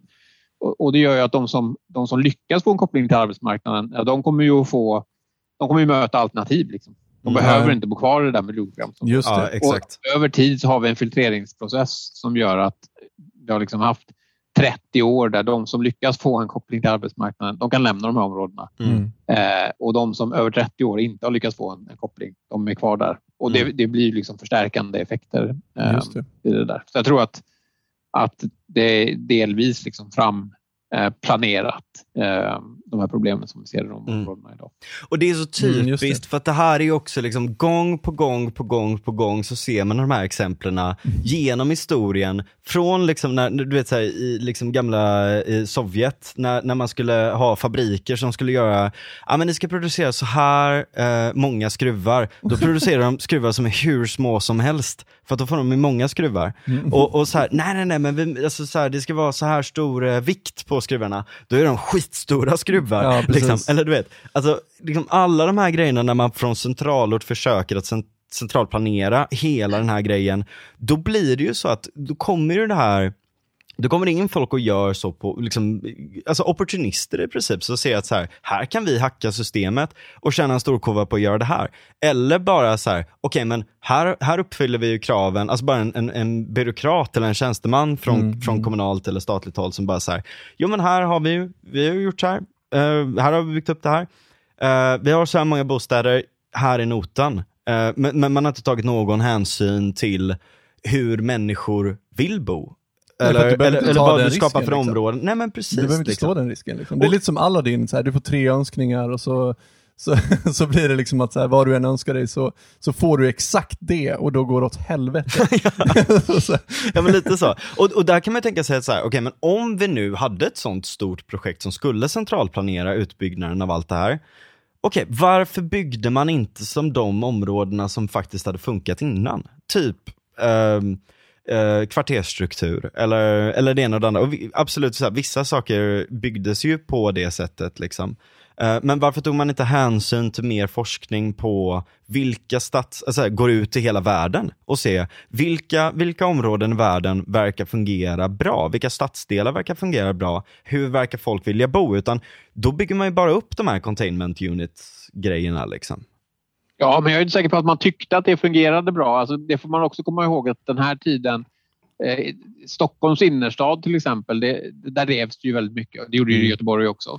Mm. Eh, men mycket av det som revs var ju undermåliga bostäder. Alltså man ville ju få bort det. Eh, Klara-kvarteren Just det. bestod ju liksom till, till, till del av eh, hus utan centralvärme och utan rinnande vatten. Liksom. Det var Mm. hus byggda på 1600-talet. Mm. Eh, att renovera upp dem till, till modern standard hade ju också varit, hade varit väldigt dyrt. Men också Eh, väldigt lukrativt. man hade ju en helt annan, jag menar bilismen hade börjat komma igång. Man hade en helt annan förväntan på hur samhället skulle vara. Man, man ville ju Ja. egentligen bara dra liksom motorleder rakt igenom städer för att det, folk ska bo i de här satellitstäderna. Och, Ja, just alltså det. det fanns, Ja. fanns en helt annan tilltro tror jag till, till planering och att man kunde planera då som Mm. jag inte tror finns lika starkt nu. Så jag tror inte att det finns någon, någon jättestor risk att man, man planerar om miljonprogrammet. Däremot så tycker jag mig se liksom en tendens nu att man man tänker sig att man då kan bygga kvarterstad som jag tycker mig se många politiker, kommunpolitiker prata om. Att vi ska liksom bygga kvarterstad för att man ser på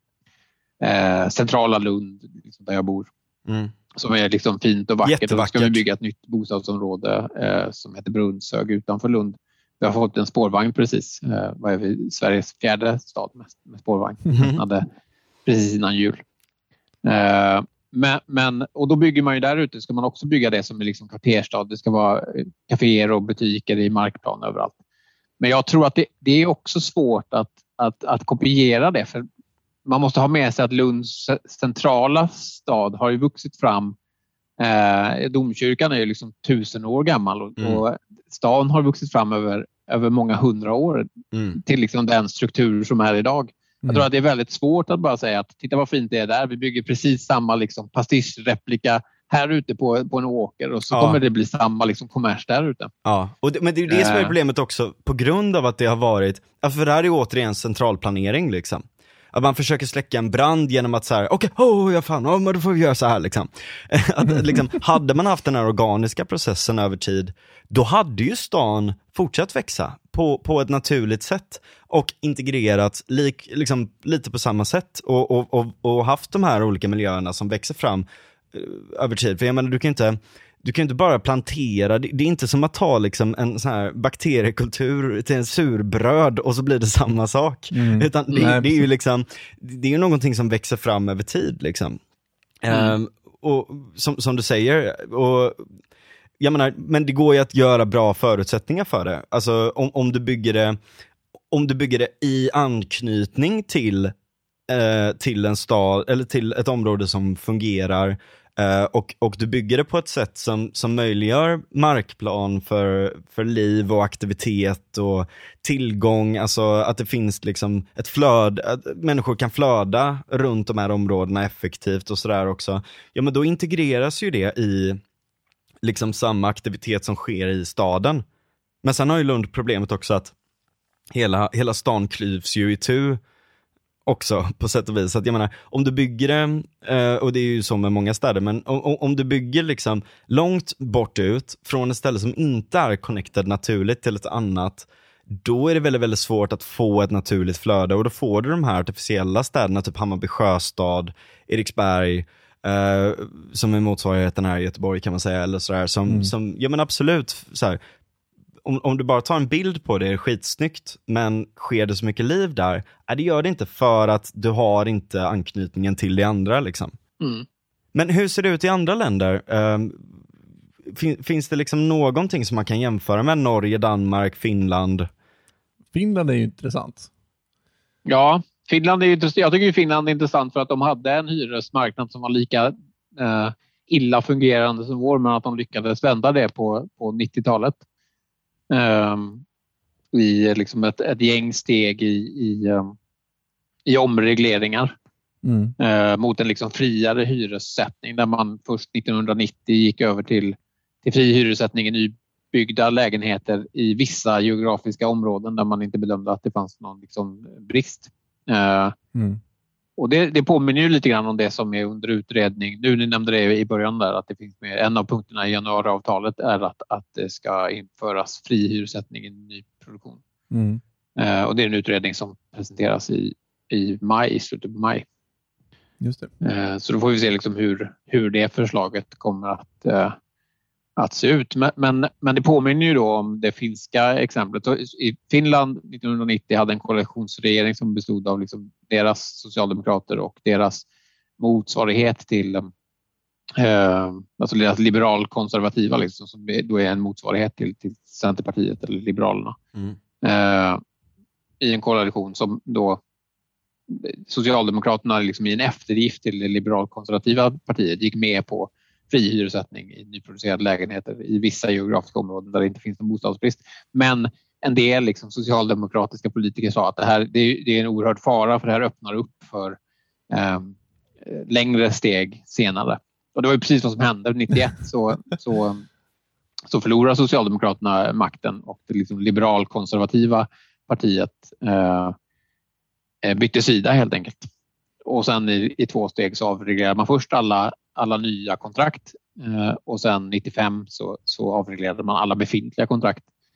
Eh, så att då Just det det. gick ganska, ganska snabbt där.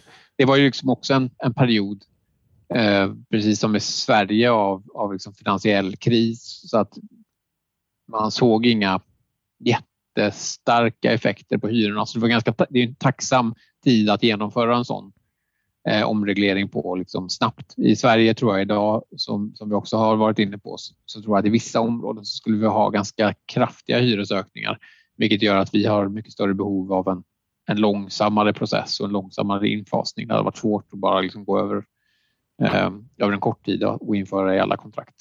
Just det, men, men det är ju intressant just med Finland eftersom det var så pass länge sedan nu de faktiskt eh, eh genomförde den här processen då under några år. Hur ser det ut i Finland idag? Har de liksom bostadsbrist som, på samma sätt som vi har eller hur har det liksom fallit ut där? Ja, alltså om man vill ha, jag tittade faktiskt häromdagen eh, för att jag skrev en, en artikel om hyresregleringar i, i, eh, eh i Smedjan på, på Timbro. Eh, om liksom, det har börjat segla upp internationellt sett eh, en tendens av politiker att vilja reglera hyrorna. Vi har pratat om Berlin redan och det finns i andra. Bernie Sanders gick ut i AOC. primärvalsrörelsen Ja, förra, just förra året att han ville införa en nationell hyresreglering. Mm. Eh, Men ehm, så jag tittade på det i Finland och hittade någon sida där det fanns eh, i i Helsingfors. Det var 600 eller 700 lägenheter som man kunde liksom välja mellan. Så det är ju inte...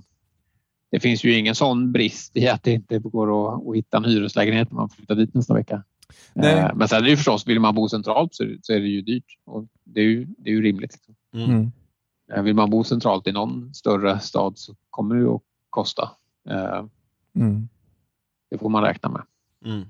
Ja, precis. Finns det liksom andra aspekter i, i Finland? För jag tänker så här, visst prisregleringar i Sverige, det sätter käppar i hjulet för, för liksom, eh, att, det, det gör att vi får en bostadsbrist och så vidare. Eh, men är det det enda hindret i Sverige? Om vi skulle liksom avreglera den marknaden, finns det inte andra hinder också som gör att det, det är svårt, svårare att bygga i Sverige och så vidare? Liksom, vad behöver vi mer göra? Liksom? Jo, absolut. Och det där är ju liksom ett återkommande problem i tror jag, de flesta länderna. Eh, att, och då kan vi ju lämna diskussionen om liksom prisregleringar eller hyresregleringar och liksom titta på andra typer av, av, Mm. av regleringar. Och, mm, reglering av markanvändning och reglering av liksom, utförande av bostäder, det finns ju typiskt sett eh, nästan överallt. Mm. Så markanvändning så brukar man bestämma vad, eh, vilka liksom typer av verksamheter ska få finnas på vilka platser. Och det kan man tänka sig att där, där finns det ju återigen då liksom goda argument att, att kanske bestämma att eh, en fabrik som släpper ut giftiga avgaser kanske inte ska få, eh, få öppna upp i ett bostadsområde. Så att vi kan liksom genom planering säga att, att så ska vi inte ha det. Mm. Även om man skulle kunna tänka sig att, att eh, marknaden och liksom förhandlingar löser det också. Men, men kostnaderna för de förhandlingarna kan ju vara väldigt höga och då kan det motiveras att, att man från liksom offentligt håll säger att fabriker får ligga här borta och, och bostäder får ligga här borta på behörigt avstånd från Mm. fabriker. slipper En, en kort anekdot där. Eh, liksom, jag minns från ungdomsförbundstiden så, här, så, så hade vi en väldigt, väldigt het debatt om man skulle ha rätt att få bygga en gigantisk, eh, ett gigantiskt höghus som var format som en kuk mitt, liksom, mitt emot stadshuset av ren princip eller inte. Alltså det finns ju även liksom, Ja exakt. Ja, okej, ja. eller du vet så här, är- är liksom hela den biten också, det finns ju möjligtvis något argument för skönhets, alltså vissa liksom så här, liksom, några stopp här och där för, för liksom, vad man får bygga på det sättet också. Det är ju liksom en visuell, eh, eh, så att säga, eh, ja, det är liksom inte kanske lukt eller giftiga gaser och allt sånt där, utan mer visuellt då, men, men det kanske finns något Ja, det kanske man ska tänka sig att väga in då. Ja. Ja.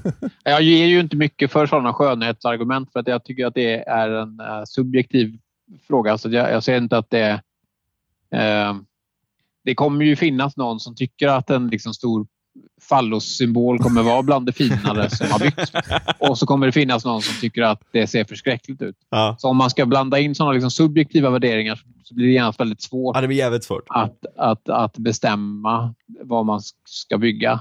Eh, och där finns det, ju liksom, det är ju enklare i, i mer liksom, om man inte går till extremer förstås. Jag menar, många Mm. tycker om klassisk bebyggelse men det finns också de som tycker att det är väldigt vackert med, med betong och liksom, eh, Hötorgsskraporna i, i, i Stockholm kan Mm. någon tycka är liksom det vackraste som har byggts eh, i, i Stockholm någonsin.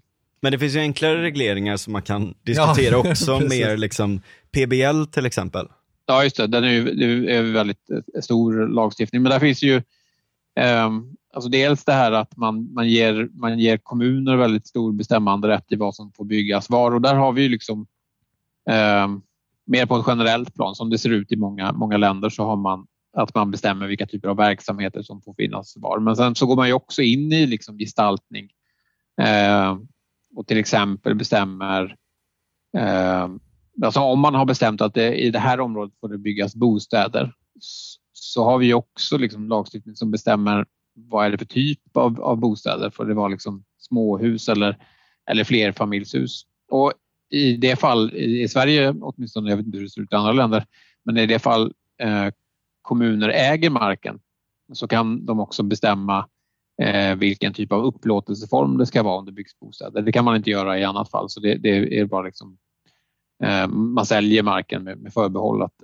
här måste ni bygga hyresrätter eller här måste ni bygga bostadsrätter rätter Mm. för att styra den upplåtelseformen. Det, det där är jag inte heller övertygad om att jag, att jag tycker att det är, är skäligt. Det ger ju förstås, liksom, om du bygger ett, ett väldigt högt hus i ett villaområde så, så kommer det ha vissa liksom, externa effekter. Och där tycker jag liksom att marknadsmisslyckanden kan ju vara ett argument för att det offentliga ska lägga sig i.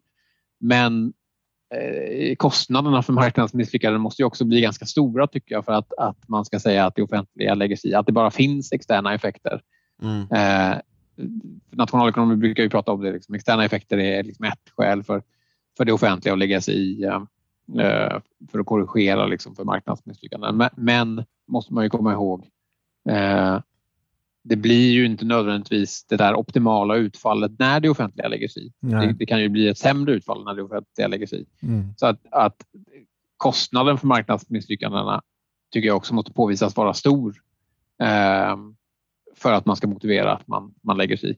Och jag är inte säker på att det är så när man om man, om, man, om man kan bygga ett höghus i ett småhusområde. Det innebär ju då att, ja det kan väl de flesta andra göra då. Så att om du då väljer att bo kvar i ett småhus i ett bostadsområde där, där marken är så pass eh, värdefull att det går att bygga höga hus på den istället.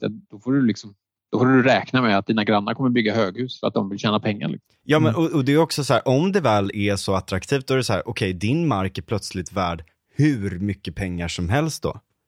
Mm. Så att jag menar, då, då, det är ju som att universum serverar en, en, en check på ett silverfat till dig. Mm. Ja, och det där, där ser man ju liksom ett, favoritexempel från senare år är ju det här Oscar Properties var det nog va, som, som eh, köpte upp mark i eh, Nacka Mm. eh, utanför Stockholm. Där, där de, eh, det var ett antal liksom, villor och de här villaägarna gick ihop och, och sålde till Oscar Properties. Och nu tror jag aldrig det där gick igenom för att det slutade ju byggas sen.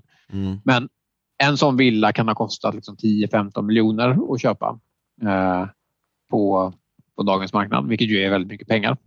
Mm. Men Oscar Properties betalade någonstans, jag tror inte att man vet siffran, men, men, men eh, någonstans kring som 40-50 miljoner per villa för att eh, kommunen, eh, man betalade med liksom, ifall att kommunen skulle ändra eh, bestämmelserna så att man får bygga flerfamiljshus där istället. Mm. Och det tycker jag är liksom, det är är talande då, för det är ju inte så att kommunen har ju inte skapat det värdet genom att, eh, genom att tillåta en annan typ av bebyggelse. Utan kommunen har ju bara eh, Godkänt liksom. slutat sätta sig i vägen. Liksom. Ja, Mm. ja precis. Eh, för, för markvärdet motiverar en annan typ av bebyggelse och Ja. så, länge den, eh, så länge den förbjuds, då är de där villorna värda 10-15 miljoner. Men om du helt plötsligt tillåter en annan användning, då är de värda 50 miljoner. Ja. Mm. Det är oerhört stora värden då som regleras bort Mm. eh, genom sån markanvändning. Mm. Eller markanvändningspolicies. Och där är nästan på, på liksom ett principiellt plan, är det statens eller kommunens rätt att undanhålla ett så stort värde? Mm. För det är ett jävla övertramp Ja, det är på det. äganderätten liksom. Mm. Om man ska vara lite sån.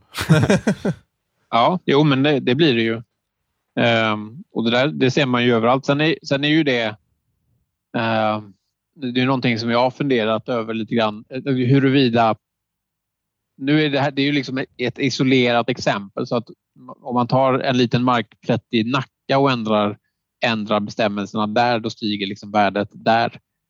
Men om man skulle ändra bestämmelserna på all mark överallt, då är det ju inte säkert att, att den där markplätten i Nacka skulle Mm. bli så mycket mer värd. Nej, så då kanske man det. istället skulle bygga, man kanske istället skulle riva Östermalm och så bygger man hus som är, är 100 meter höga där och så, så försvinner liksom all efterfrågan för att bo i lägenheter. Eh, kommer att koncentrera sig till Östermalm och de här skyskraporna. Ja. Eh, och så, så kommer det fortsatt att vara villabebyggelse i, i Nacka. Liksom. Varför bygger vi inte höghus i Sverige?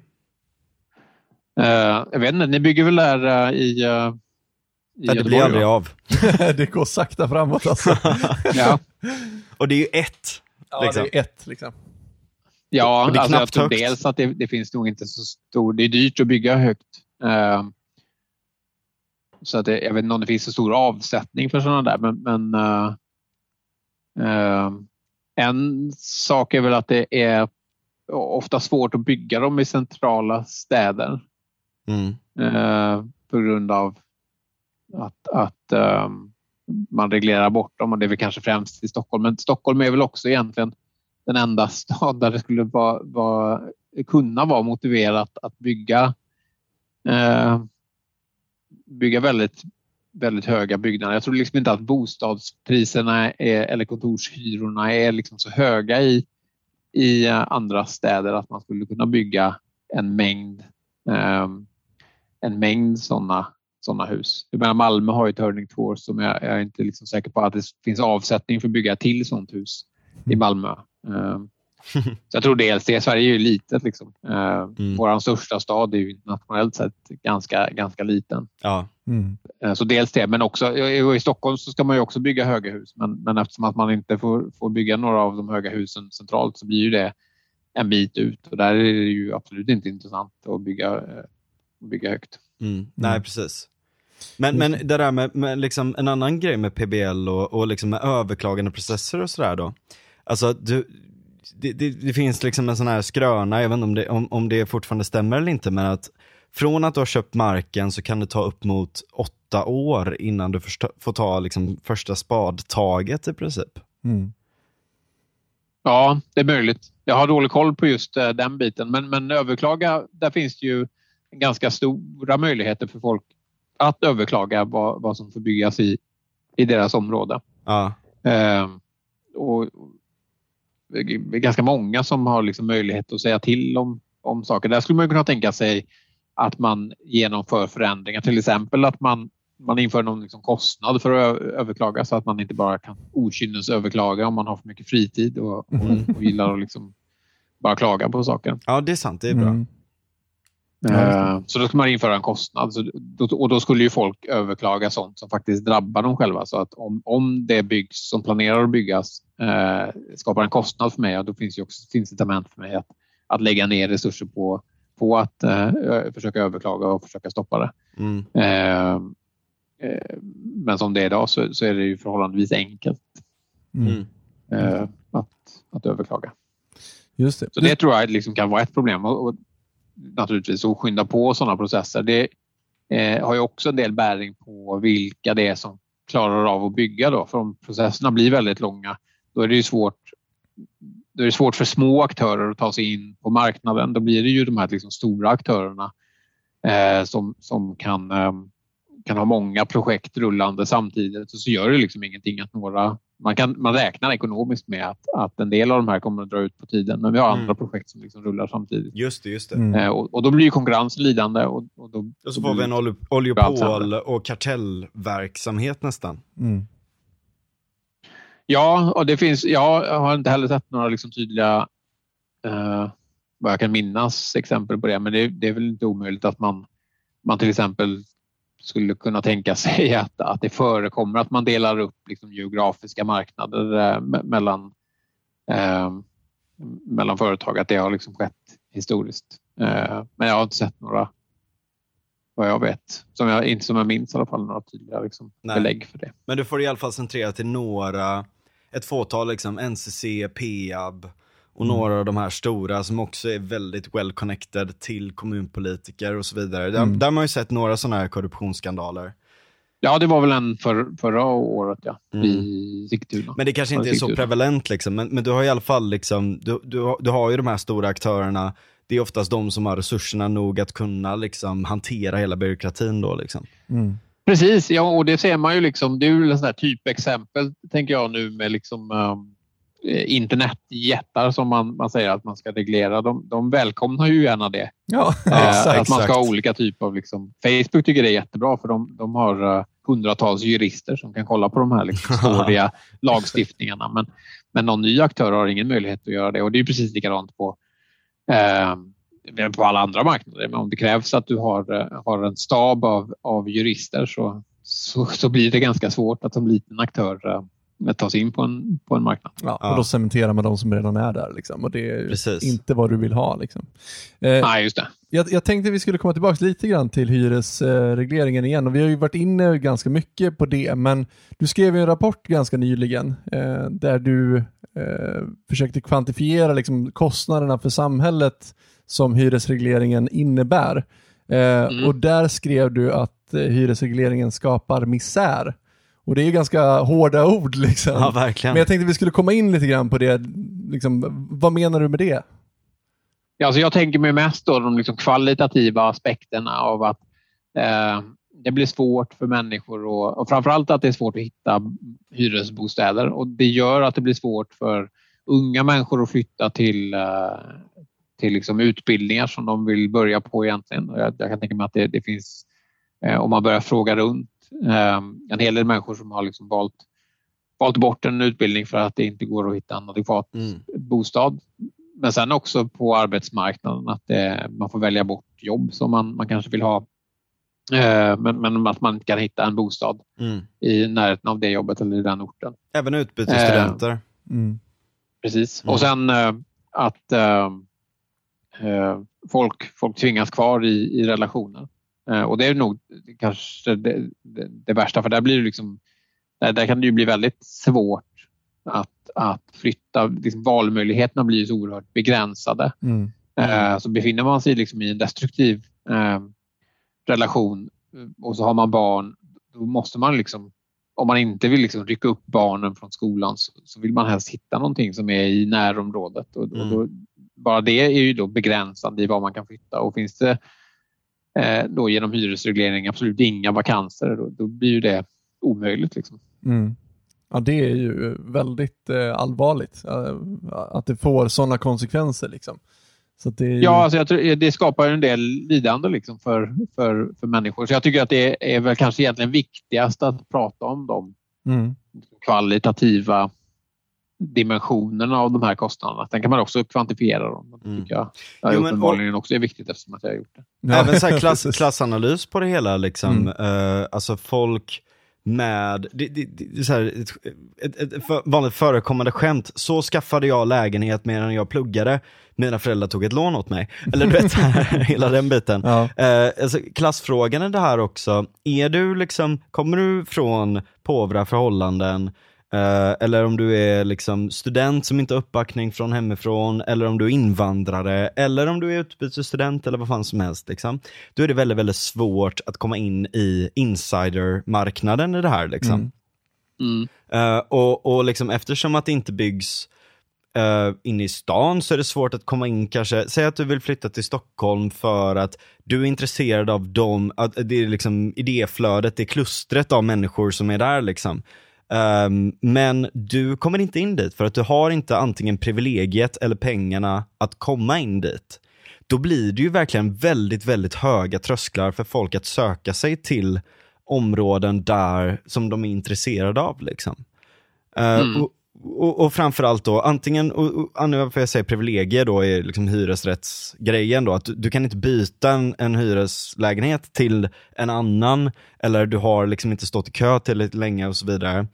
Ehm, eller, eller har nedärvt från, Mm. från liksom släkt och sådär. Ehm, eller då att du inte har pengar nog att kunna köpa det in och, och brute-forca helt enkelt den processen.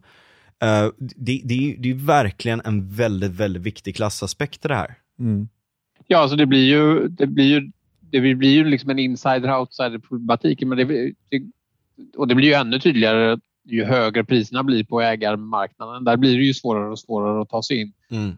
eh, utan hjälp av liksom föräldrar som tog sig in själva och som har haft en liksom stor värdestegring på sina Mm. villor där de kan, eh, kan hjälpa till och, och köpa in. Men även det blir ju liksom svårare i eh, eh, ja, men först i liksom Stockholm där priserna nu är som högst. Mm. Om man har fler än ett barn så är det ju svårt för föräldrar att även om man har liksom haft en villa som har stigit många miljoner i värde så Ja. ska man ju liksom inte köpa två lägenheter i Stockholm. Nej, Mm. Eh, för det, det blir också problematiskt. ja verkligen. Eh, men så även för dem är, är det ju svårt förstås. Eh, nej, jag, jag, vet inte, jag, jag, jag vet inte riktigt vad som kommer hända där. Jag är inte helt fullt optimistisk eh, till, till att, att liksom hyresregleringen kommer försvinna. Men, men att någonting måste ändras på liksom den här marknaden i takt med att priserna stiger på ägarmarknaden och det gör att politiker blir oroliga över att folk skuldsätter sig för mycket så då, då försöker man förhindra liksom, Mm. skuldsättningen. Mm. Och det har man ju gjort. Liksom, med, Sverige har väl bland den högsta privata belåningen i världen också. ja, det vet jag inte riktigt Ja. eh, om vi har. Det är möjligt. Eller väldigt, väldigt Ja, hög i alla fall vet jag att vi har. Mm. Men vi har också, alltså det är ganska stora till, tillgångar också. Det steg ju en del under eh, eh, när man har ombildat liksom, så har man flyttat. Eh, det, det tror jag kan förklara en, en, en, en, en- del av liksom stegringen i, i skuldtillväxten. Att Mm. eh, man ombildar hyresrätter i ganska stor utsträckning. I liksom sent 2007 till 2010 så ombildar man väldigt mycket. Mm. Eh, och då kommer ju folk att belåna sig för att ombilda. Men Just typiskt det. sett så, så, så får de ganska stora förmögenheter i samband med ombildning. Mm. Det Men belåningen var- ökar ju liksom på, hos hushållen den- och minskar ju då i, i samma takt hos eh, privata fastighetsägare. man, man får ju en jävligt bra deal när det ombildas då.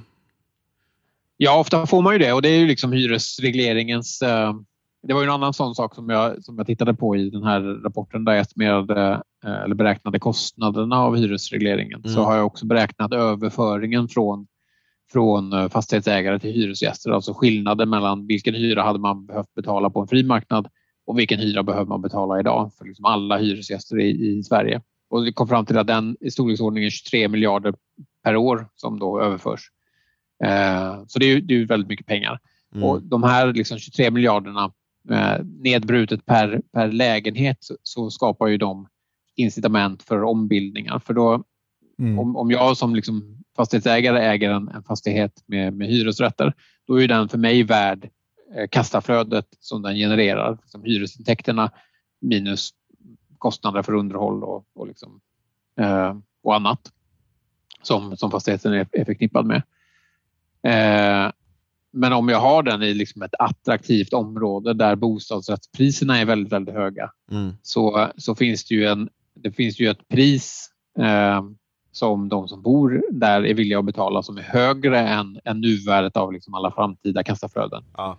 Eh, men som är lägre än, än, eh, än bostadsrättspriset. Mm. Så jag gör liksom en vinstaffär genom att sälja till en bostadsrättsförening och den som bor i hyreslägenheten gör en vinstaffär genom att, genom att ombilda för att man kan, man kan sälja den på en marknad Ja, sen Just det.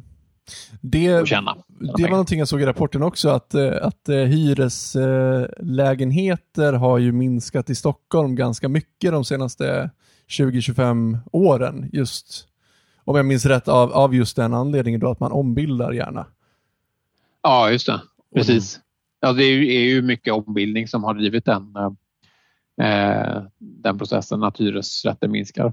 Så, och där har man, I Stockholm just har man ju inte kunnat bygga ikapp eh, i den takt som hyresrätter har, har lämnat marknaden genom ombildning. Så att det blir ju färre, inte bara andelen hyresrätter utan eh, det blir också färre, färre hyresrätter. Mm. Mm. Och det, Och det finns, finns ju, inga- det finns ju en ja. geografisk skevhet i det också. Det är ju, är ju främst i centrala områden eh, som, som det har skett. Eh, delvis så, så drevs ju det på av att, av att eh, de kommunala bostadsbolagen valde att ombilda. Ja, ja, ja. Just det. De har ju haft stora bestånd liksom, och det har de ju fortsatt. Eh, I Stockholm så, så har de ju försökt nu att ombilda i andra områden också. ja. Eh, som ligger lite mer perifert. Där är det ju svårare för att eh, typiskt sett så, så är de som bor i, i de områdena eh, inte så eh, ekonomiskt starka. Att de, även om, man, även om, om eh, priset i ombildningen är liksom lägre än vad det hade kostat att köpa en motsvarande bostadsrätt så, så är inte bankerna villiga att låna ut pengar. Mm, mm. Nej, men där har ju eh, regeringen tittat på att eh, ta fram eh, statliga bostadslån eh, nu. Eh, det var, jag tror att det var Miljöpartiet som Per Bolund sa att vi måste hitta vägar för att sänka trösklarna att komma in på bostadsmarknaden. Ja. Och den utredningen ska vara klar i november nu i år. Eh, så att det ska Så väl vi vara någon ska- sorts vi ska alltså- CSN-lån då. Vi, ska, vi ska subventionera en jävla bubbla med ännu mer. ja, Vi ska Ja. liksom bara putta in pengar i den här bubblan och försöka göra det så dyrt som möjligt liksom. Ja, och, och liksom så här, när jag har funderat inför det här avsnittet nu så har jag liksom återkommit till den tanken som jag var inne på tidigare, just att det här känns som ett väldigt destruktivt beroende. Liksom. Ja. Där, man, där man hela tiden är rädd för abstinensen och då ökar dosen hela tiden och bara Ja. lever osundare och osundare. Ja. Och, Jo, men jag håller med. Jag skrev om det också. Det är den här utredningen som ska titta på startlån och att man ska föreslå för första gångs köpare. ja, just det. Eh, och där, som, det är liksom en, en eh, tendens som jag tycker att man, man har ägnat sig åt väldigt mycket och som också har liksom förekommit på hyresmarknaden mycket. Att, att man, först reglerar man hyrorna och så ser man att nu börjar det hända massa saker som vi inte vill ska hända. Liksom, det dyker upp svarthandel så då får vi förbjuda det och Ja. liksom införa fängelsestraff för att folk sysslar med det. Och sen så, så börjar, börjar fastighetsägare ombilda bostadsrätter och då om vi inte vill att de ska göra det då får vi liksom hitta på lagstiftning som försvårar ombildningar Mm. eh, och eventuellt bara förbjuda ombildningar. Eh, och så hittar man på liksom ny lagstiftning för att få bort alla de här eh, konsekvenserna. Och det är lite grann samma sak med de här startlånen tycker jag. Där har man, jag tror att det var 2010 som man liksom tog det där första steget och, och införde bolånetaket så att man krävde att man måste ha 15 procent egen, egen finansiering för att köpa, vilket jag har då gjort det. Allt annat lika så blir det svårare för folk att köpa bostäder för man måste spara ihop mycket mer pengar för att köpa sin första bostad. Och då kommer man med en ny Eh. lösning där. Ja.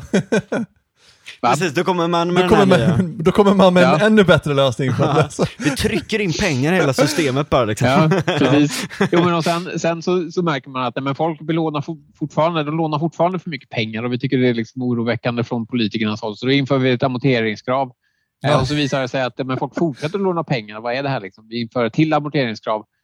Eh, och då upptäcker man att men folk lånar inte pengar längre och de kan inte köpa bostäder för det Mm. går liksom inte att låna pengar. Nej, men då får vi ju subventionera lån. Då. Ja. Mm. Ehm, och jag förstår liksom inte den där tanken att, att eh, jag vet inte var man vill någonstans. Liksom. Ni började ju i en situation som ni inte tyckte om och så Ja. har ni liksom reglerat bort den situationen och nu vill ni subventionera er tillbaka till den.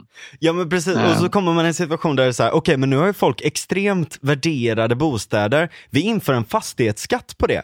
Så att vi får liksom tillbaka pengar som bara kan mata in i det här Ja, och det är ju systemet. så, det är så roligt där, för att då, då är liksom så här, första steget att så här, vi ska inte liksom så här börja fundera Ja, är över... Ja, men vi ska inte börja fundera om den här hyresregleringen verkligen är en så sund grej och kanske gå bort från det mer.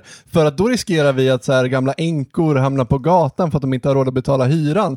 Men vi inför en så här fastighetsskatt liksom, och så bara så här, skjutsar ut gamla änkor på gatan. Och så är det liksom så här, okej, ni har försatt oss i en situation som är extremt ohållbar och ni kommer på nya lösningar istället för att liksom så här, eh, släcka bränder för det här.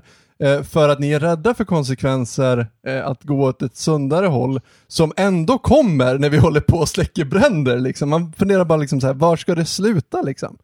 Ja, ja det är en bra fråga. Alltså just fastighetsskatten, den kan vi också kanske komma in på. Den tycker jag är, är liksom en av de bättre skatterna man kan införa. Eh, sen är det klart att den är oerhört problematisk att införa i en... Den togs ju bort då 2008 och, och, och så har fastighetspriserna stigit jättemycket sedan dess. Skulle man införa den igen nu så skulle det förstås... Alla som har köpt efter 2008 skulle ju påverkas eh, negativt i rätt stor utsträckning. Mm. Ehm, Men där hade, man ju, där hade man ju till exempel innan den tidigare fastighetsskatten så hade man ju en begränsningsregel som gjorde att folk inte skulle behöva flytta eh, om, om liksom inkomsterna var, var, eh, var alltså- för låga. Men jag tror liksom att framför allt så är det ju liksom fastighetsskatt.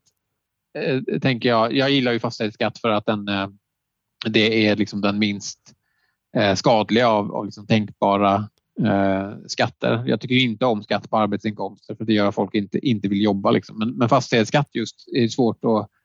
Eh, man kan inte flytta fastigheter så att det, det påverkar liksom inte så mycket ekonomiska val. Det har inte så mycket snedvridande effekter. Du har ju negativt i Eh. att du inte vill utveckla fastigheter i, i det. Liksom, att markvärdeskatt är ju mycket bättre där, för då har du ju incitament att utveckla din mark. Ja, precis. Ja, men markvärdesskatt har jag också ofta förespråkat. Där är det svårt att... Problemet med markvärdesskatter det är svårare att, att uppskatta markvärdet. Alltså separera det Ja, från det är sant. värdet av helheten.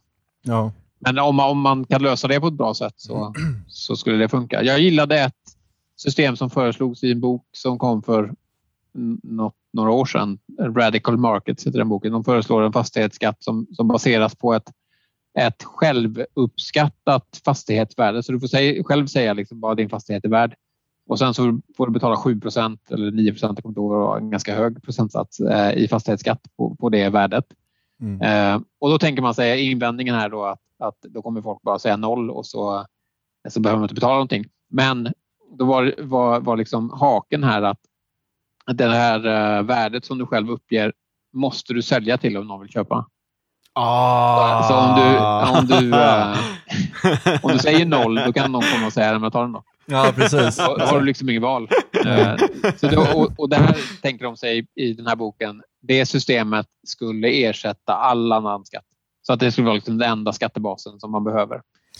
Eh, Ja, Och alltså- det tyckte jag var liksom ganska sympatiskt. eh, eh, att ha ett sånt system. För då Ja. skulle man få bort alla andra liksom, skadliga eh, ja, det, det är skatter. intressant. Ja, men- alltså jag, min default är ju att jag gillar inte skatter, så jag blir lite nervös när du säger att du gillar fastighetsskatt. Ja men några skatter kanske man måste ha, men jag menar mark, markvärdeskatt är ju ganska intressant där för att då, då blir det ju ändå i relation till omgivningen, alltså så här, eh, om, om, om eh, ta i Majorna till exempel här, eh, återigen då, så, så står det ett jävla ruckel mitt eh, på Stibergstorget. Eh, som, och då menar jag inte det här eh, omtalade kulturhuset som är lite dåligt på insidan, utan bara så här, ett gammalt trähus som är ett jävla ruckel. Liksom. Ehm, och det är typ ingen som bor där och så vidare och allt sånt där då.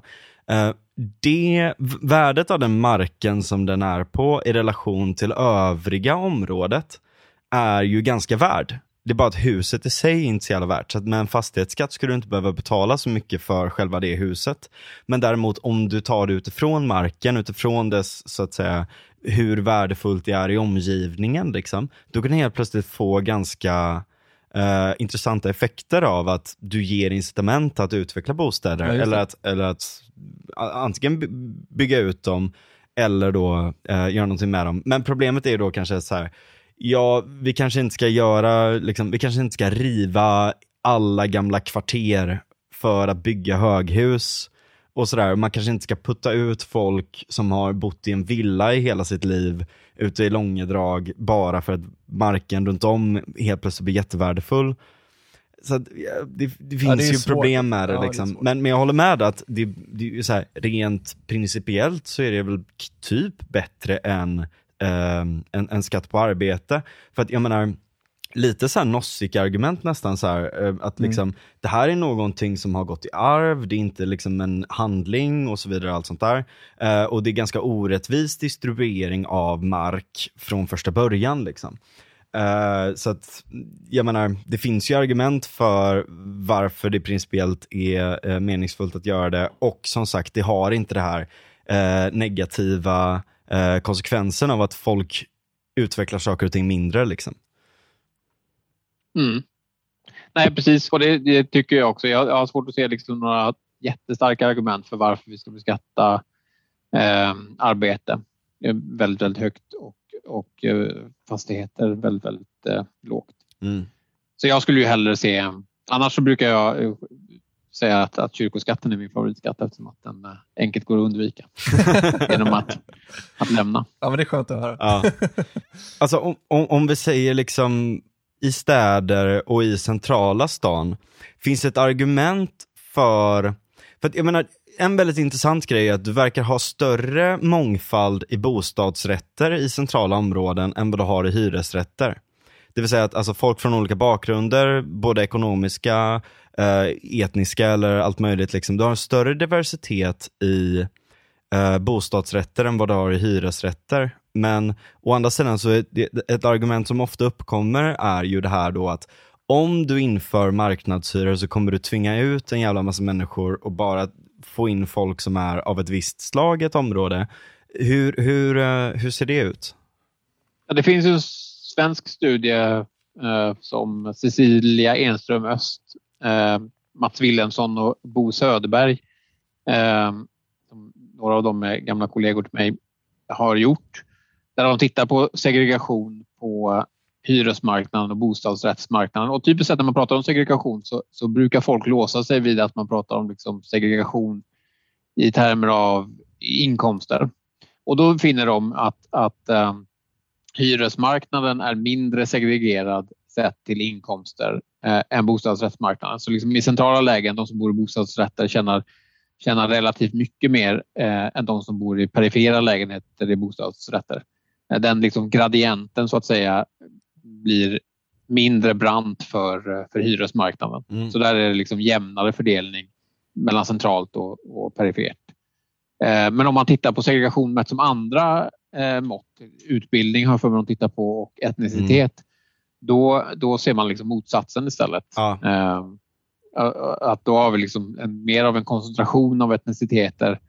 Eh, De som inte liksom är etniskt svenska, de bor typiskt sett eh, utanför städerna i hyresrätter och de som är eh, etniskt svenska bor, bor inne i, i städerna. Och liksom hög utbildning bor inne i städerna. Äldre människor också har jag för mig, eh, vilket ju säger sig självt om man fördelar lägenheter efter kötid så, så gynnar det människor som är äldre. Mm. Ja, de kommer bo liksom, eh, företrädesvis i, i liksom centrala lägen medan de som är yngre och inte har hunnit vänta lika länge att de får nöja sig med liksom mer perifera lägen. Så där finns ju, det, eh, det beror på hur man liksom tänker sig med liksom segregation, vad, vad det är man menar. Att, eh, på vilken, liksom, vil, vilken dimension vill vi, eh, tycker vi det är problematiskt att männis, människor sorterar sig. Eh, Jag har själv lite svårt med liksom segregation, att, att det skulle vara någonting vi ska motverka nödvändigtvis. Jag tror ju ganska mycket att människor är, eh, precis som jag själv är, att vi vill bo bland andra människor som liknar oss, oss själva. Mm. Jag, Kulturellt jag tror framför allt. får människor välja så väljer de Ja. segregerat till, till viss utsträckning. Sen tycker jag förstås att det som är viktigt att säkerställa det är att liksom offentlig service i den liksom utsträckning vi ska ha offentlig service ska vara, ska vara lika bra i oavsett var man väljer att bosätta sig. Så liksom Ja, fast det går ju, menar, om, om, om du bor ute i Ehm. skogen i Norrland så är det jävligt svårt. Ja, alltså precis. Och där får man ju välja. Då, då får man ju inse liksom att här finns en del offentlig service som du inte kommer att få, eh, få ta del av. Mm. eh, för att du har valt att bosätta dig där. Men, men det ska ju vara eh, så länge det är liksom transparent när du fattar ditt val så Mm. då, då är väl det fine. Liksom. Mm. Jag har svårt när, när människor fattar val eh, och sen i efterhand kommer och klagar på att eh, det är saker som de är liksom missnöjda med och vill få Ja. bort dem. Det har ju varit en ganska stor grej nu med liksom buller i bostadsområden. Precis, ja. Man flyttar in i centrala stan och så, så ser man att det är jävla väsen från, från kroglivet här. Liksom. Ja, precis. Ja, visste- jag har en krog precis nedanför mig liksom, som gör jävligt mycket väsen. Ja men Ja. Den, den var ju där när du flyttar in. Ja, men det är först nu som jag märker att det är jävligt mycket väsen på natten. Ja, precis. Jo, det där tycker jag liksom är absurt. Att där måste man bara sätta ner foten från det offentliga och säga att du, du har liksom ett eget ansvar eh, och du, du är en vuxen och myndig person. Om du förväntar dig att du ska fatta andra val i ditt liv så får du fan stå för liksom ja. Mm. det här valet som du har gjort. Annars Eh. kan vi ju omyndigförklara dem. Det är Ja. ju en möjlighet att ställa de här människorna inför. Jag kom på en grej nu. Eh, vi, vi har varit inne på det lite grann, liksom, men, men säg att man, för jag har en kompis som är väldigt eh, tvärtom med mig. Alltså hon, hon tycker att hyresreglering är det bästa som, eh, som har hänt sedan skivat bröd. Liksom. Eh, och hon är rädd för att om man skulle frångå det här systemet så skulle det bli så att lägenheter som finns i kanske mindre attraktiva områden, kanske på landsbygden och så vidare, eh, deras hyror skulle ju sjunka förmodligen eh, och det skulle inte finnas några incitament att kanske ha någon större, någon högre standard där, utan incitamenten att ha en högre standard kommer ju fortfarande vara eh, inne i stan. Liksom. Finns det ingen... Det är ju en liten oroväckande tanke i alla fall, skulle jag kunna säga. Att standarden på På, på lägenheter skulle bli lägre i...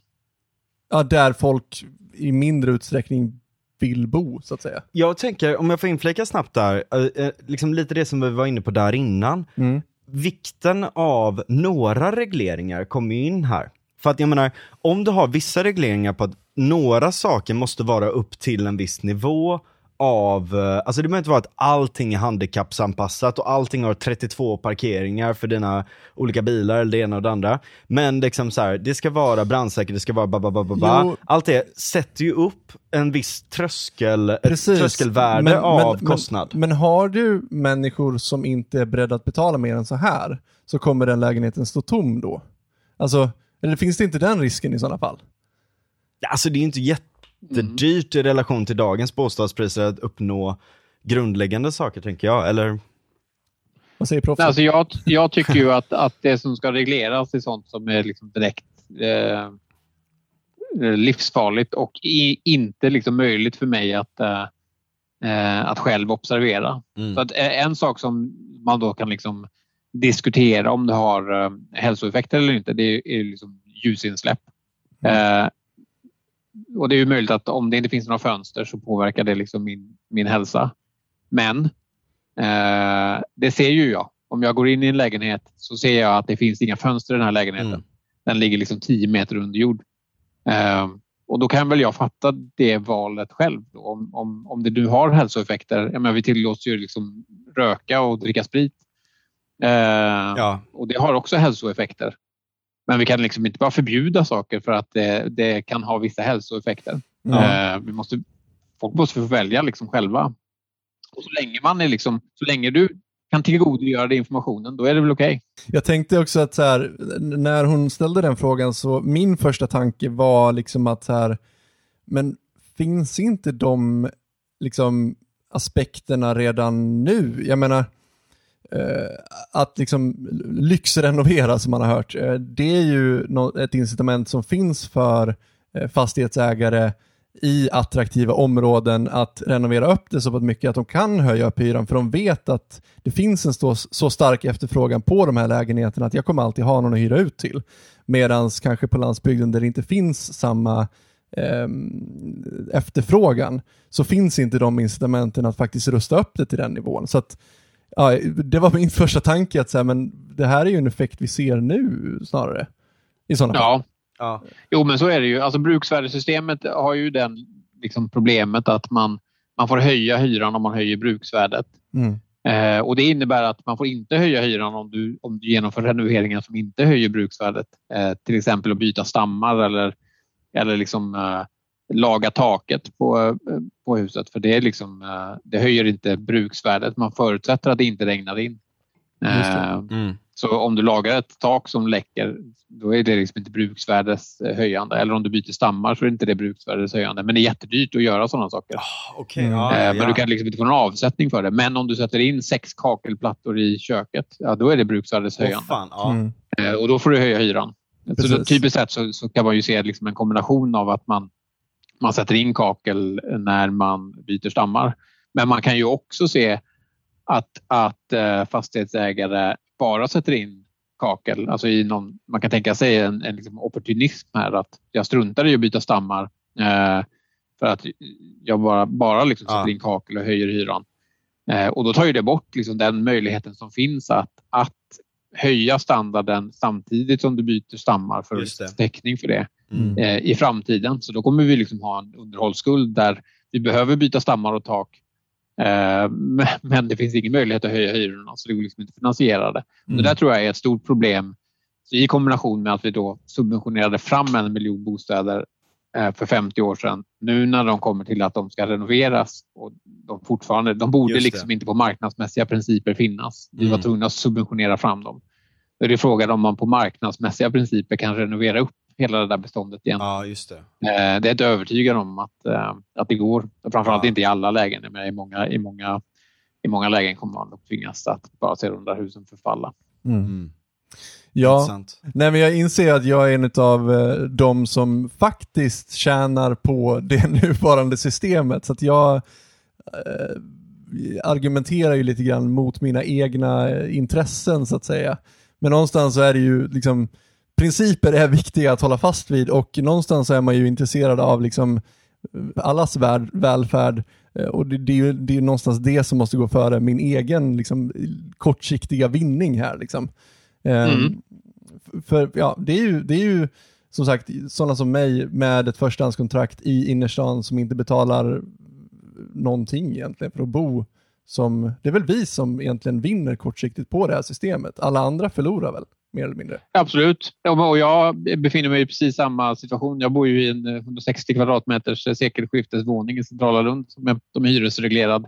Så att jag sett i det perspektivet så, så en avreglering skulle ju kosta mig pengar. eh, Dels genom att jag skulle sannolikt tvingas betala högre hyra men också att, att liksom mitt, mitt forskningsområde och levebröd skulle, skulle försvinna. Mm. Eh, Men jag, jag får ju hitta liksom alternativt eh, boende och eh, alternativ sysselsättning helt enkelt ifall att, att det går vägen. Ja, precis. Det är ju det. Vi eh, är ju ofta sådana som kan klara en, en omställning ganska bra, liksom, om man säger så.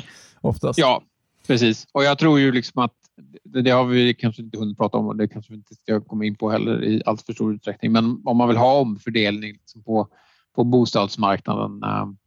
Eh, alltså det kommer ju alltid finnas människor som inte har råd att bo i den kvaliteten av bostäder som vi bestämmer att eh, ska vara liksom lägsta nivån. Eh, de måste man ju hjälpa på något sätt. Hyresreglering visar sig vara ett väldigt dåligt sätt att hjälpa dem för att det garanterar inte att de som har låga inkomster får flytta in i lägenheter utan istället så, så kan det bli så att sådana som, som jag flyttar in med relativt höga, höga inkomster. Mm. Eh, jag behöver ju liksom ingen hjälp men det är klart att jag tar en lägre hyra om någon erbjuder den. Liksom. Mm. Jag vet inte om vi ska kanske börja runda av, men jag, jag har en liten eh, så här, kanske dum fråga, men jag vet inte. Och, säg, att, säg att man skulle avreglera, säg att jag skulle vakna upp imorgon och marknaden var helt avreglerad. Liksom. Eh, och jag bor i min eh, kraftigt subventionerade liksom, innerstadslägenhet.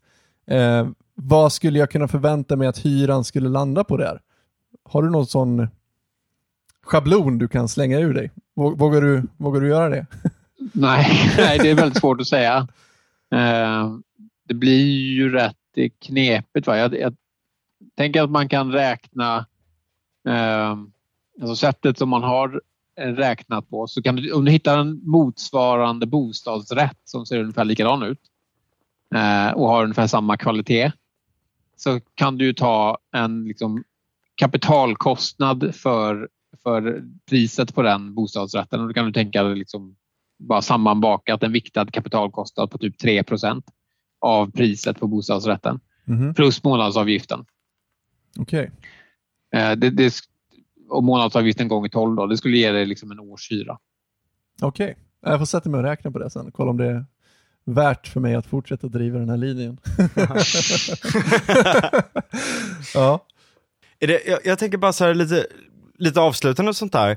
Det är väldigt, väldigt intressant att höra från dig och verkligen kunna dubbelkolla alla de här sakerna. För det är lätt att ha förutfattade meningar, det är lätt att ha kanske eh, pojkrumsideologiska förutfattade meningar om saker och ting. Men det är väldigt bra när det överensstämmer med, med verkligheten så att säga. Men eh, vad, vad tror du, vad har du identifierat som de största möjligheterna att kunna lösa de här sakerna? Eh, liksom, hur konstruerar man ett system som faktiskt funkar och hur har man en övergång till det?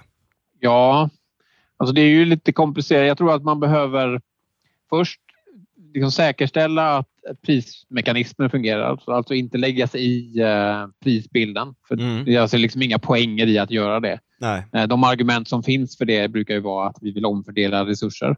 Och det finns bättre sätt att omfördela resurser. Så liksom där, det är det första, första sättet. Det blir en Ehm. negativ omfördelning i, i många fall till och med. Liksom. Ja, alltså det, det blir ju en omfördelning men det, det finns ju absolut ingen träffsäkerhet i den. Nej. Den, den, den går ju liksom eh, till, till den som råkar få ett hyreskontrakt. Och Mm. Rent krasst så är det ju folk med, med, med högre inkomster tenderar att ha liksom bättre kontakter med fastighetsägare så de kan komma över bättre lägenheter. Eller så kan de köpa lägenheter på en svart marknad. Ja. Eh, Så jag tror liksom, om, om man vill ha en riktig omfördelning då får man hitta ett system för riktig omfördelning. För att vi, vi, vi kommer sannolikt att även liksom i framtiden att ha, bestämma oss för att en bostad är liksom så som vi ser på bostad i liksom det svenska välfärdssamhället så, så kommer det finnas en liksom lägsta nivå av kvalitet och under den lägsta nivån vill vi inte att människor bor. Mm. Eh, Hade vi inte haft en sån reglering då kommer folk bo i tält i skogen. Liksom. Exakt. Ja, Mm. men det är en grundtrygghet liksom. Ja, jo, och, och bestämmer man sig för den lägsta nivån, då kommer de här människorna som utan den nivån hade bott i tält i skogen, de kommer liksom inte ha råd. Det blir inte så att bara för att vi säger att en bostad får inte vara sämre än så här, så får alla människor råd med det. Eh, utan det kommer finnas människor som inte har råd att bo så och de måste vi ju hjälpa på något sätt. Så där måste det finnas någon, liksom, någon omfördelning. Eh, antingen så kan man bygga bostäder och tillhandahålla till de grupperna eller så kan man, man genom liksom bostadsbidrag ge dem pengar och så ehm, Mm. eh, och Så här, hoppas det- på att de, de kanske efterfrågar bostäder som man, man tycker är bra. Typ bättre att, att, att ge folk möjligheten, inte, alltså så här, det är inte i så att säga systemet bostadsmarknaden som omfördelning gör sig bäst, utan kanske i ett annat system. Möjligtvis på liksom någon form av grundtrygghetsnivå, men att ge sig in i att försöka detaljstyra dels den här sektorn med många andra olika sektorer och liksom skohorna in den principen faller sig inte bra. Nej. Nej, jag tror att man får enas om att det är liksom ett inkomstproblem. Eh, att folk inte bor i bättre bostäder är att, för att de har eh, för låga inkomster för att göra, göra det. Det är inte så att de inte vill bo i, i, bättre, i, i bättre lägenheter. Mm. Eh, men det är svårt att lösa liksom, ett inkomstproblem på prissidan. Precis som med, med liksom, att vissa människor inte skulle ha råd att äta för att överleva eh, för att deras inkomster är för låga hjälps ju inte av att vi reglerar alla priser på ICA. Liksom. Nej, Nej. precis. Det är bättre att då ge dem bidrag så att de kan köpa mat på ICA så att de överlever. Ja. Eh, där har vi liksom enats om att det fungerar ganska bra. Eh, den ordningen fun- fungerar relativt bra på, på, på den marknaden. Precis. Eh, den kan fungera ungefär lika bra på bostadsmarknaden. ja. Men sen därtill måste man ju också ha eh, mindre begränsningar i vad som får byggas och var det får byggas. Liksom. Mm. Eh, för ju mindre regleringar vi har i liksom vad som får byggas, om vi tänker oss att man, man kan få bo i källare utan fönster, ja, då, då kommer det liksom öppnas upp fler möjligheter. Och vi kan tänka oss att eh, takhöjden behöver vi liksom inte bestämma att den, den ska vara liksom minst eh, si och så, utan det kan folk själva få bestämma. Så ju mindre liksom sådana saker vi, vi lägger oss i, desto fler möjligheter kommer att öppnas upp för, för liksom redan existerande ytor att bo på. Mm. Eh, och det kommer också liksom att, förstås att, att, att pressa eh, priserna. Så jag tror att det dels eh, sluta lägga sig i priser och sluta lägga sig i exakt vad som byggs och hur, hur det byggs. Liksom. Mm. Eh, och från planeringens håll säkerställa att det som finns emellan fastigheter, liksom vägar, att möjligheten att transportera sig mellan liksom, Mm. eh, olika fastigheter, att, att det fungerar. För det Ja. är svårare för liksom, marknaden att, att, eh, att lösa ett vägnät som, som liksom Göteborgs innerstad. Mm. Sånt, Precis. sånt får man planera fram för att det ska fungera. Kollektivtrafik och sånt också liksom. Ja. Mm. Ja, men för jag, jag kan tänka mig liksom, eh, är det, är, är det inte, blir du, blir du ofta frustrerad över, över det här med att liksom, som, som nationalekonom då, i just den här marknaden, eh, eller just den här sektorn snarare då, eh, det som du var inne på lite där innan, blir, blir du liksom frus- frustrerad över att du bankar huvudet mot en vägg med liksom, här är alla de här nationalekonomiska teorierna som fungerar exakt överallt. Eh, och här ser vi konsekvenserna som vi har predikterat eh, förlöpa på grund av det här, men det är ingen som lyssnar. Men sätter du och strejkar utanför riksdagen? Vetenskapen säger så här. Jag kanske skulle prova det och se om, om det hjälper. Nej, men det är klart att det är lite frustrerande men samtidigt så förstår jag ju att det, det är ju inte så att politiker inte förstår vad jag säger utan det är snarare så att om de skulle göra så som jag säger så, så skulle de inte bli omvalda. Liksom. Mm. Public choice liksom. Eh, det är väl det stora problemet. Mm. Eh, att, att det går inte. Eh, Peter Eriksson sa det när han var bostadsminister. Det, det går inte liksom att gå fram i ett val med, med de här stora förändringarna och då är det ju liksom eh, införa ett system med liksom sociala bostäder, återinföra fastighetsskatten och avreglera hyresmarknaden. Det skulle liksom vara tre stora reformer. Det finns Mm. ingen som skulle rösta på det. Nej. Mm. Men, men går det kanske möjligtvis att lägga fram, alltså sä, säg att liksom, och det, det är det här som är problemet med politik i allmänhet liksom, såklart liksom public choice och, och hela den biten. Men, men jag menar om man skulle lägga fram ett program så här, nu allesammans, nu måste vi pausa upp här och se vi beter oss som en tjackis som, som skapar väldigt sjuka system i vardagen för att bara kunna ta mer tjack. Liksom. Eh, och, och hitta på massa olika regler och massa komplexa system och regelsystem med sina vänner för att kunna låna pengar bara för att kunna få mer tjack. Alltså nästan på den nivån liksom. Eh, ska vi ha en intervention? Ja, exakt. Ska vi ha en intervention? Ja, Ja men nästan så, och se liksom, ska jag vara så här. nu, liksom alla de här trenderna har pekat så här så länge och så vidare och så vidare. Ska vi försöka hitta ett gemensamt paket för att kanske styra oss in på en bättre väg?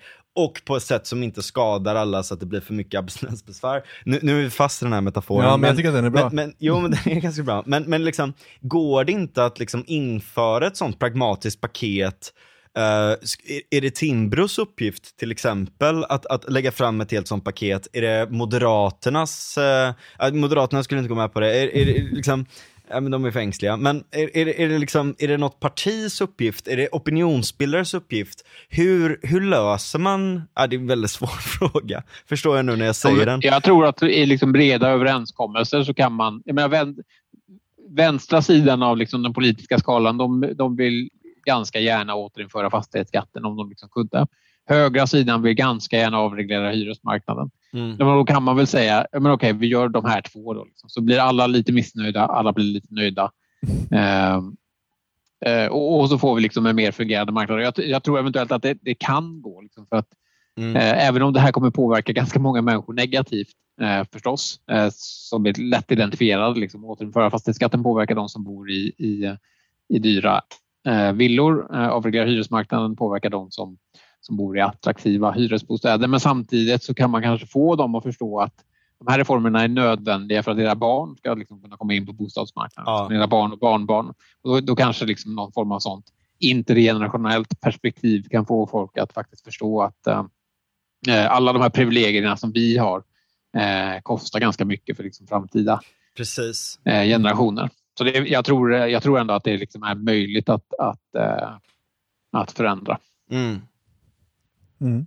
Tack för jävla massa kloka ord här. Ja, verkligen. Ja.